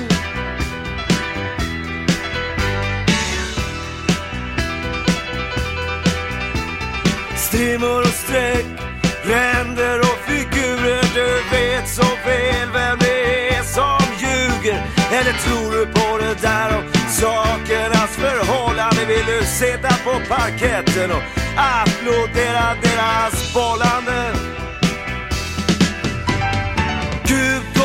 Går och viskar Låt bli, låt bli Ah, jag tror det börjar likna apati Ser du de tysta männen klockan fem? Ser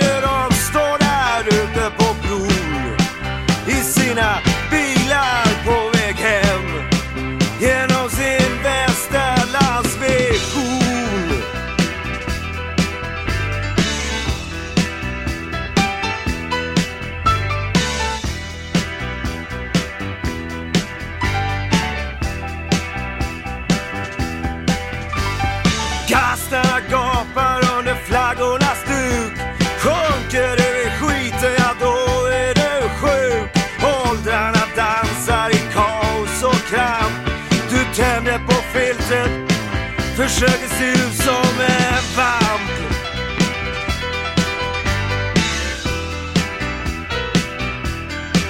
Ja, du är en vacker gosse med huvudet på skaft. Du ligger i din soffa och dricker någon slags saft. Och när jag kommer till dig och säger så som så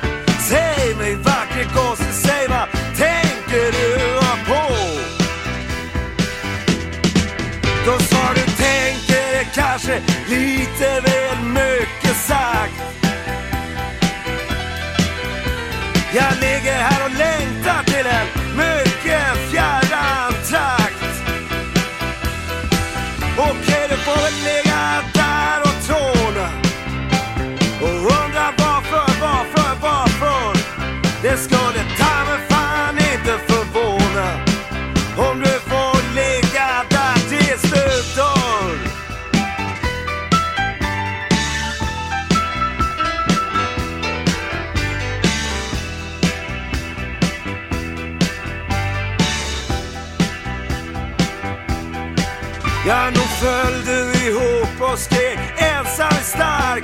Min hand är som järn och min hud är som bark. Jag har varken tradition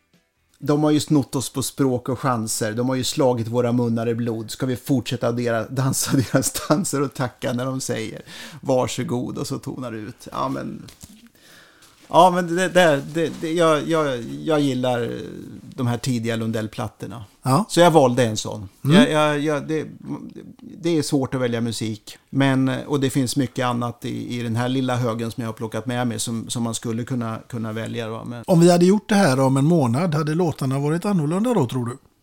ja, men jag kan välja två andra låtar nu om du vill. Ja, nej, nu kör vi David Bowie Ja. och Men, Lundell. men, men det är ju så svårt va, för det är så mycket som har passerat. Jag minns, jag minns att, att eh, jag och pappa, vi byggde eh, hornhögtalare. De het, eh, nu, nu, jag kan ju inget sånt här, men Schmackshorn hette de. Och det var ju liksom eh, jättetunga pjäser. Jag tror de vägde 40 kilo styck liksom. Och det var, det var bara en Philips bredbandshögtalare som satt i där och sen hade man diskanten ovanpå.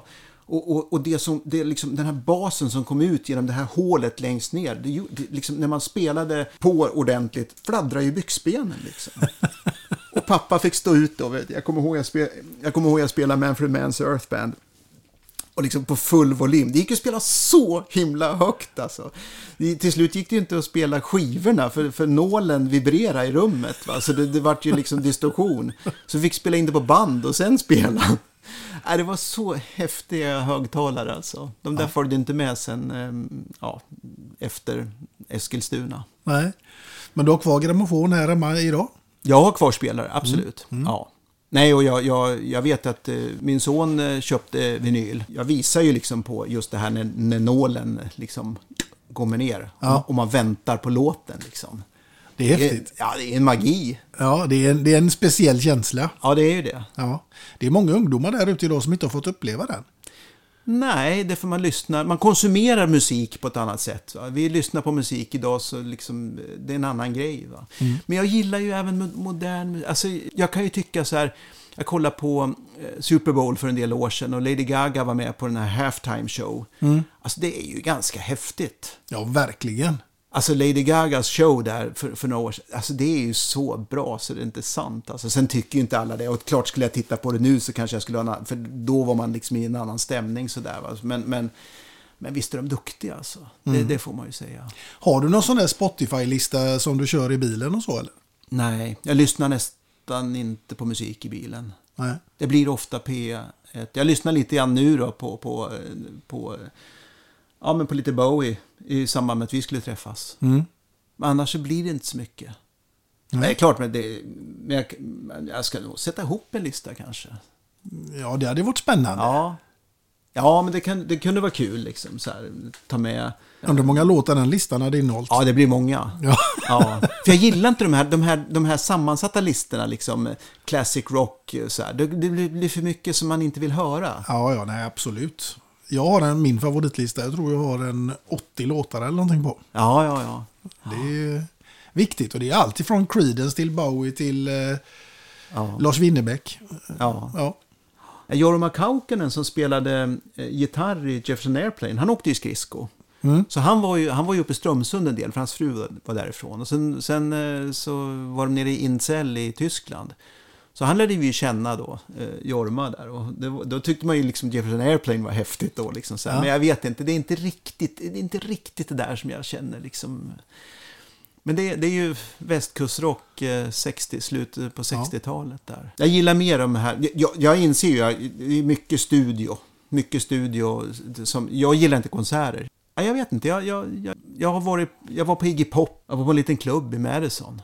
Det var bara några hundra stycken som var där och han på en liten, liten scen liksom. Man stod ett par meter där och han liksom körde sina låtar. Mm. Pa- Passenger liksom. Ja. så det är klart att det är kul så. Men, men vi var på Leonard Cohen, jag och min fru, för hon gillar Cohen.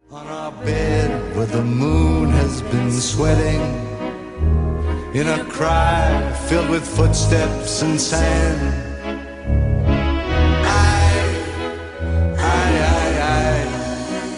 Take this waltz, take this waltz. Men det var, ja det, och, och, det är ju också en artist liksom. Vilken, Absolut. vilken, vilken, vilken nerv va. Så, så att eh, du ser när vi pratar, man kommer Ja, in på... ja, ja. Electric Light Orchestra tycker jag också, så här, och Eagles, alla de här liksom, de, de, de har ju funnits med. Ja, det är klassiker. Ja. Och, och jag vet ju när vi åkte i bilen med Bosse som var skridskoåkare i klubben, ett år äldre än mig, född 58. När han fick körkort så åkte vi i hans Volvo och spelade Boney M.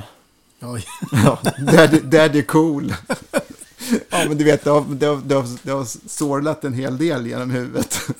Ja, ja, underbart när du säger det i hans Volvo där också. Ja, ja, ja. ja Nedvevad ruta. Ja, ja, det vet jag inte om vi hade, men, men, ja, men alltså det, det ja. Ja, du, eh, din fru Elisabeth, ni är en riktigt eh, klassisk idrottsfamilj får man ju lov att säga. Ja. För hon var ju också en framgångsrik eh, curlingspelare och fyrfaldig världsmästare och OS-bronsmedaljör i curling. Ja, absolut. Och det, och det var ju, jag kom ju in så att säga, de, jag tror, de vann väl sitt första VM 92, det var ju på 90-talet det här va. Sen var jag med eh, vid några VM när de vann där. Och det var ju fantastiskt, det är Brandon utanför, ut, ja, mitt ute på prärien liksom, en bit eh, väster om eh, Winnipeg. Det var 350 000 åskådare, 250 000 åskådare på 10 dagar. Plus att det var liksom 100 000 som var på mässområdet och kollade på storskärmar. Så det var ju ett fruktansvärt stort intresse. Mm. Och hon var ju Mrs Gustafsson. Och det var ju liksom Mrs Gustafsson, oh I like your slide. Och, så hon var ju storstjärna. Och jag gick en halv meter bakom där liksom och så tittade han på mig och sa, oh you must be the husband. Ungefär så. Det är då man har medaljerna i fickan och ja, remember Calgary? Nej, men det var, det, var, det var kul att se det var, det var faktiskt kul att se liksom den storheten som fanns i, ja, i det laget som var, de var så respekterade någonstans. Så där. Mm. Det var kul. Mm, det förstår jag. Ja. Och jag kan tänka mig att det blir mycket snack eh, om idrott här hemma. Ja, då var det ju det, inte minst då. För då, då jag tyckte det var kul att hänga med. Men, och Elisabeth var ju mitt inne i sitt curlande, så det var ju ofta som eh, liksom, middagsbordet blev en sten här och en sten där, liksom, och formationer. Så det, visst fanns nerven. Sen, sen är det väl kanske inte riktigt likadant nu, men jag tycker, jag tycker att det är kul med idrott. Det, det, det gör jag. Mm. Du sitter gärna framför tvn och kollar. Ja, eh, inte på allt. Det gör jag inte. Men jag, jag, nej, men jag tycker det är kul. Våran son håller på med utförsåkning och våran dotter håller på med konståkning. Så det är klart, vi har ju följt det väldigt mycket. Och det ju- har ju varit kul att se liksom, eh, alltså live då som ungdomsidrott också Mm. på det sättet. Mm. Absolut.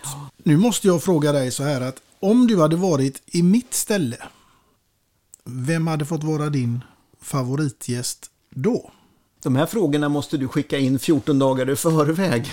Så att jag kan få tänka efter ordentligt. För jag vill ju ha det där liksom klipska svaret. Vem hade jag velat...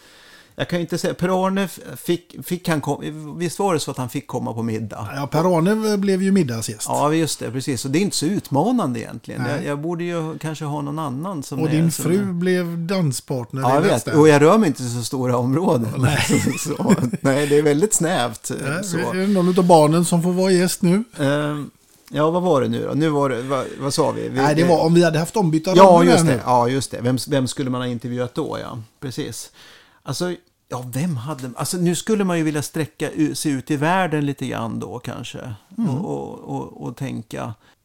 Ja, jag får på säga, ja, det skulle vara kul att intervjua Nils van der Poel. Jag har ju försökt några gånger, men jag tycker inte liksom att... eh, Jag, när jag ser andra intervjuer så tycker jag de har int, intressantare frågor, för det är journalister. Jag är ju bara en, liksom en, en, eh, jag är ju bara en skridsko, skridskokompis som ställer frågorna. Och, och, och man känner aldrig att man har tiden att sitta ner liksom riktigt så här och, och, prata med honom. För det skulle, det skulle vara intressant att göra. Men, men vi, vi droppar Nils nu. Det, det får jag göra i något annat sammanhang. Vem skulle jag vilja ha? Nej.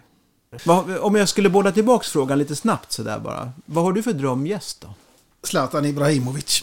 Zlatan Ibrahimovic. Och han kan man ju tycka att han är en person som uttrycker sig eh, väl så ofta. Och, men jag är helt övertygad om att jag skulle vilja sitta med honom när han inte är Zlatan i media. Utan när Zlatan som människa. Jag skulle inte diskutera så mycket fotboll med honom faktiskt. Utan mer livsåskådning och, och filosofi. Ja. Men du har ju tänkt på det här. Jag ska ju bara spontant plocka upp det liksom på volley. Ja, lite så. Jag kan uppleva så här att i den här pandemin som har varit Mm. så har livet liksom, det, det har, för mig så har livet liksom krympt ner till, till vårt hus i princip. Mm. Jag tycker att jag har inte det här stora spektrat. Nej. Så. Det är klart att det skulle vara intressant att, att sätta sig ner kanske med någon skådespelare och lyssna. Men jag vet inte. Jag, alltså, hellre någon som liksom David Attenborough eller någon sån där. Som, Mm. som, nå, någon som har liksom världsperspektivet, som är lite äldre, som, som har, har en levnads, liksom, ett, ett liv bakom sig och gjort stora saker. Så han skulle ju kunna vara en sån person. Ja, men lite grann bakom kulisserna. Se vad, vad, har han vad har han levt för liv och hur, hur har han tagit sig fram och hur har eh, alla hans resor som han har gjort och hur illa är det med, med, med liksom klimatet och, och så. Ja, men det, det är kanske är någon sån person som man skulle liksom vilja fånga upp. Och, Mm. Nej, men han, han, får väl bli, han får väl bli den då som, som jag tror har rätt mycket klokskap i sig som, man, ja, men som skulle vara intressant att lyssna till. Ja, Men det, det är ett bra val tycker jag ändå. Ja, han är ju verkligen en som har jorden som sitt... För, för jag menar, vi har pandemin, vi har Putin, men vi har också någonting som, som ligger där som det största hotet, och det är ju klimatfrågan. Mm. Absolut. Den är lätt att glömma bort. Ja, idag är den ju det va? Mm. Du, eh, när vi ändå är inne på det här ämnet så tänker jag att då ska jag passa på att ställa frågan vad innebär ordet livskvalitet för Thomas Gustafsson? Alltså livskvalitet för mig, det är väl att känna sig lugn. Mm. Det- handlar inte om liksom, att åka på semester och, och, och lägga sig på stranden eller något sånt. Utan att bara, vart man än är någonstans, kunna känna att man är där man vill vara. Mm. Sen vad som finns runt omkring en och så, det är en annan sak liksom. Men just det där inre, inre lugnet, känna att här, nu. För mig är det ofta ute i naturen. Men det är ganska mycket som, som liksom pockar på runt omkring. Mm. Och inte minst då utifrån de här konflikterna som finns i, i världen nu. Så då, då, då är det svårt att tänka på livskvalitet kan jag tycka. För jag, jag känner någonstans att det, det, det tränger igenom. Mm. Men, men så har det varit när jag också har presterat väldigt bra. Just det där att kunna i OS-byn kunna ligga på sängen och känna att ja, jag är här. Här och nu liksom. Ja, lite grann så. Mm. Eh, Det är naturligtvis så att det finns prestationer som väntar runt hörnet, eh, men ändå kunna känna liksom det här. Och, och, och det, är lite, det är lite märkligt, för, för någonstans kan jag känna så här att om det är något, någon gång som jag har känt det här liksom lugnet, Mm. så är det innan, precis liksom timmarna innan start i Calgary. För då, då, då kände jag att här, här vill jag vara, här har jag koll på läget. Och jag stressades inte då. Det är klart, börjar jag tänka på prestationen, vad jag ska göra, då höjs ju pulsen. Men då hade jag, då hade jag Hemingway, de jagar ubåtar längs Kubas kust. Liksom, så läste jag lite grann så här. Så, och så kom jag lite för långt bort och så slog jag igen boken och så tänkte jag på skridskon och så började pulsen gå och så läste jag lite mer. Så. Men totalt sett så, så, så var det liksom ett lugn. Att Känna, känna sig hemma på något sätt. Mm. Och då spelar det ingen roll om du är, vart du är. Liksom. Nej. Nej, då är man Så, där det, man är. så, så, så, så livskvalitet, d- d- då är ju det det, tycker jag. Mm. Att kunna hitta den fina känslan. Mm. Och vad jag menar med att det är svårt nu när allting tränger igenom, det är ju för att de här bilderna av människor som sitter i skyddsrum och som befinner sig på flykt och, och så. Och då är frågan så här, kan jag göra någonting och så vet jag inte vad det är? Det, det, det, det, det, stör ju, liksom, eller stör, det, det, det stressar. Mm. Absolut. Och då är frågan, vad, vad, vad kan man då göra? Ska man hoppa in i, ska jag sitta med i en lastbil och åka ner med liksom förnödenheter? Är det det som är mitt sätt att hjälpa till? Eller är det att skänka liksom kläder? Eller är det någonting annat? Mm. Så frågorna finns ju där någonstans. Så det är lite lyxigt att tänka på eh, livskvalitet utifrån ett egoistiskt, eh, ja, egoistiskt kanske är fel, men ett, ett personligt perspektiv. Mm, absolut. Ja, vi blir ju matade av intryck eh, från det att vi stiger upp till det vi går och lägger oss mer Mm. eller mindre. Men att sitta på cykeln och trampa upp för en serpentinväg och känna att det bränner i benen, men också känna att toppen är nåbar, det är också livskvalitet. Absolut. Så det, det är... Någon kanske säger så här då, ja men skulle det inte vara skönare att cykla ner? Nej, det är inte för mig. Nej. Jag gillar det. Jag, det, det, det. Det skulle jag kunna känna liksom någonstans. Att, att eh, ja, där. Serpentinerna. Stelviopasset, 100 000 serpentiner. Ja, Ja. det är en utmaning. Ja, det är min mål. Det är mitt, mitt mål, eller målbild kanske man ska säga, när jag fyller 70. Mm. Att, kunna, att kunna sitta på cykeln och trampa upp där utan att... eh, ja, och känna att jag klarar av det. Det tror jag säkert att vi kommer att få höra dig ha gjort. Du, eh, nu tänker jag så här att tänk om någon skulle skriva en låt eller visa om Thomas Gustafsson. Vem skulle det få vara? Ja, vem skulle det vara?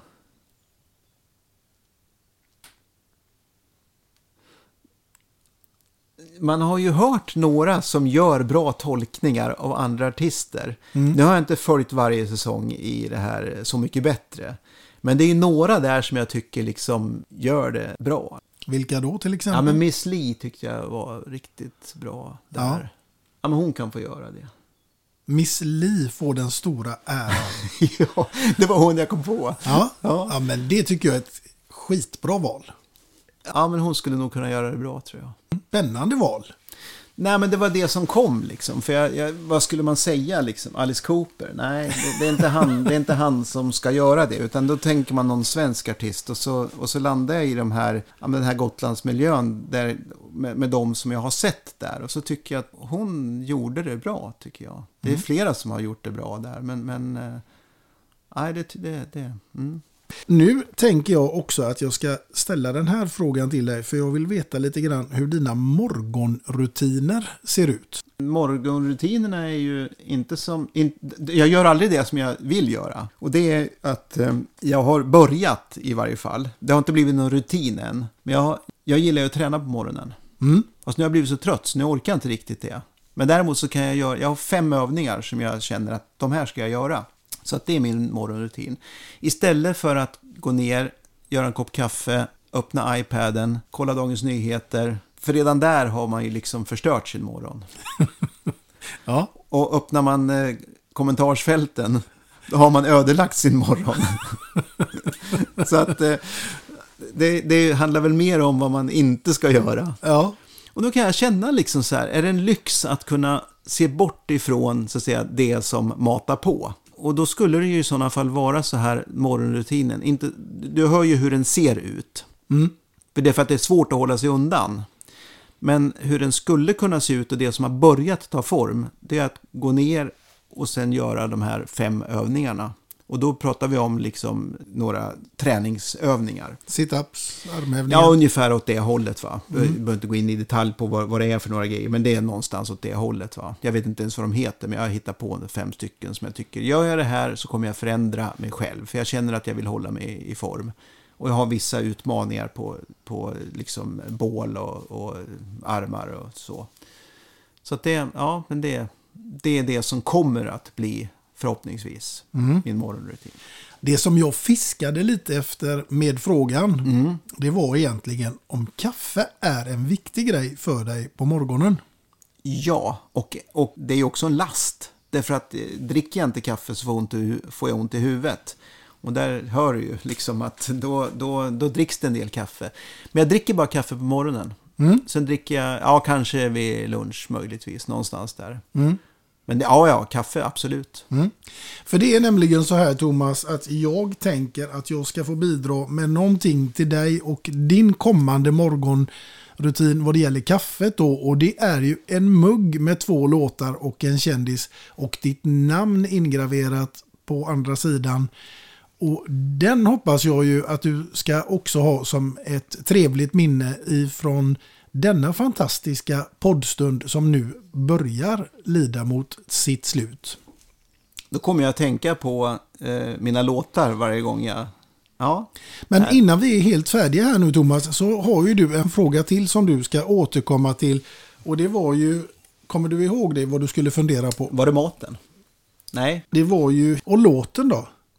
Ja, till middagen. Ja. Som skulle få ligga där i bakgrunden. Ja, men jag kan spela kitsch för honom, den gillar han. Han, han får kitsch där ja. Han, han får kitsch. Ja. Det blir bra, för han gillar Lundell. Ja. Han är väldigt, väldigt eh, musikkunnig. Ja. Kör vi ett musikquiz, då tar han rubbet. Han är duktig alltså. Eller ha- han har mycket kunskap. Mm. Och det har du också inom en väldigt massa områden. Så med din kunskap så tänker jag att vi ska få avsluta detta avsnitt med ett gott råd som du ska få ge till alla som ska sätta ett mål. Vad är det viktigaste att tänka på när man ska sätta ett mål? Ja, jag tror, jag tror ju att det viktigaste är att man känner att det man då strävar efter, här, när man nu strävar efter det här målet, att det känns meningsfullt. För att annars så kommer man inte att eh, nå dit. Nej. Ska det vara tidsbestämt? Ja, man kan ju, det finns ju många, ja absolut. Man behöver i varje fall ha avstämningspunkter längs vägen någonstans. Det beror ju lite grann på vad det är och hur högt mål man sätter. Mm. För eh, jag, jag tror att, jag, jag, tror så här, sätter man ett högt mål så eh, absolut att det är meningsfullt. Så att man liksom, för behöver man, behöver man ha tid på sig för att nå sitt mål så, så, så tänker jag meningsfullheten kommer ju att vara liksom det, det absolut viktigaste. För att det kanske inte är så att vägen dit är alldeles spikrak. Man kommer att tvivla på sin förmåga längs vägen. Man kommer att tvivla eh, kanske på andra saker också längs vägen. Och då kan det vara bra att ha en speaking partner. Mm.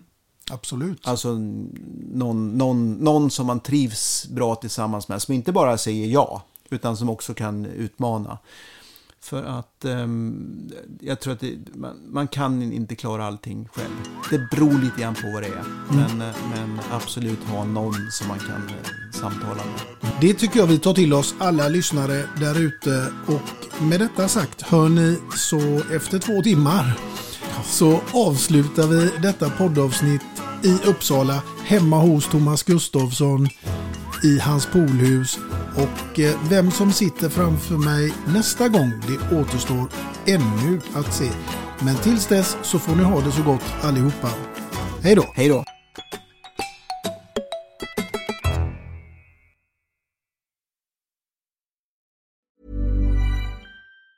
Hey, it's Danny Pellegrino from Everything Iconic. Ready to upgrade your style game without blowing your budget? Check out Quince. They've got all the good stuff shirts and polos, activewear, and fine leather goods, all at 50 to 80% less than other high end brands. And the best part? They're all about safe, ethical, and responsible manufacturing. Get that luxury vibe without the luxury price tag. Hit up quince.com slash upgrade for free shipping and 365 day returns on your next order. That's quince.com slash upgrade. Hey, it's Paige DeSorbo from Giggly Squad. High quality fashion without the price tag. Say hello to Quince. I'm snagging high-end essentials like cozy cashmere sweaters, sleek leather jackets, fine jewelry, and so much more. With Quince being 50 to 80% less than similar brands. And they partner with factories that prioritize safe, ethical, and responsible manufacturing. I love that. Luxury quality within reach. Go to quince.com slash style to get free shipping and 365 day returns on your next order. Quince.com slash style.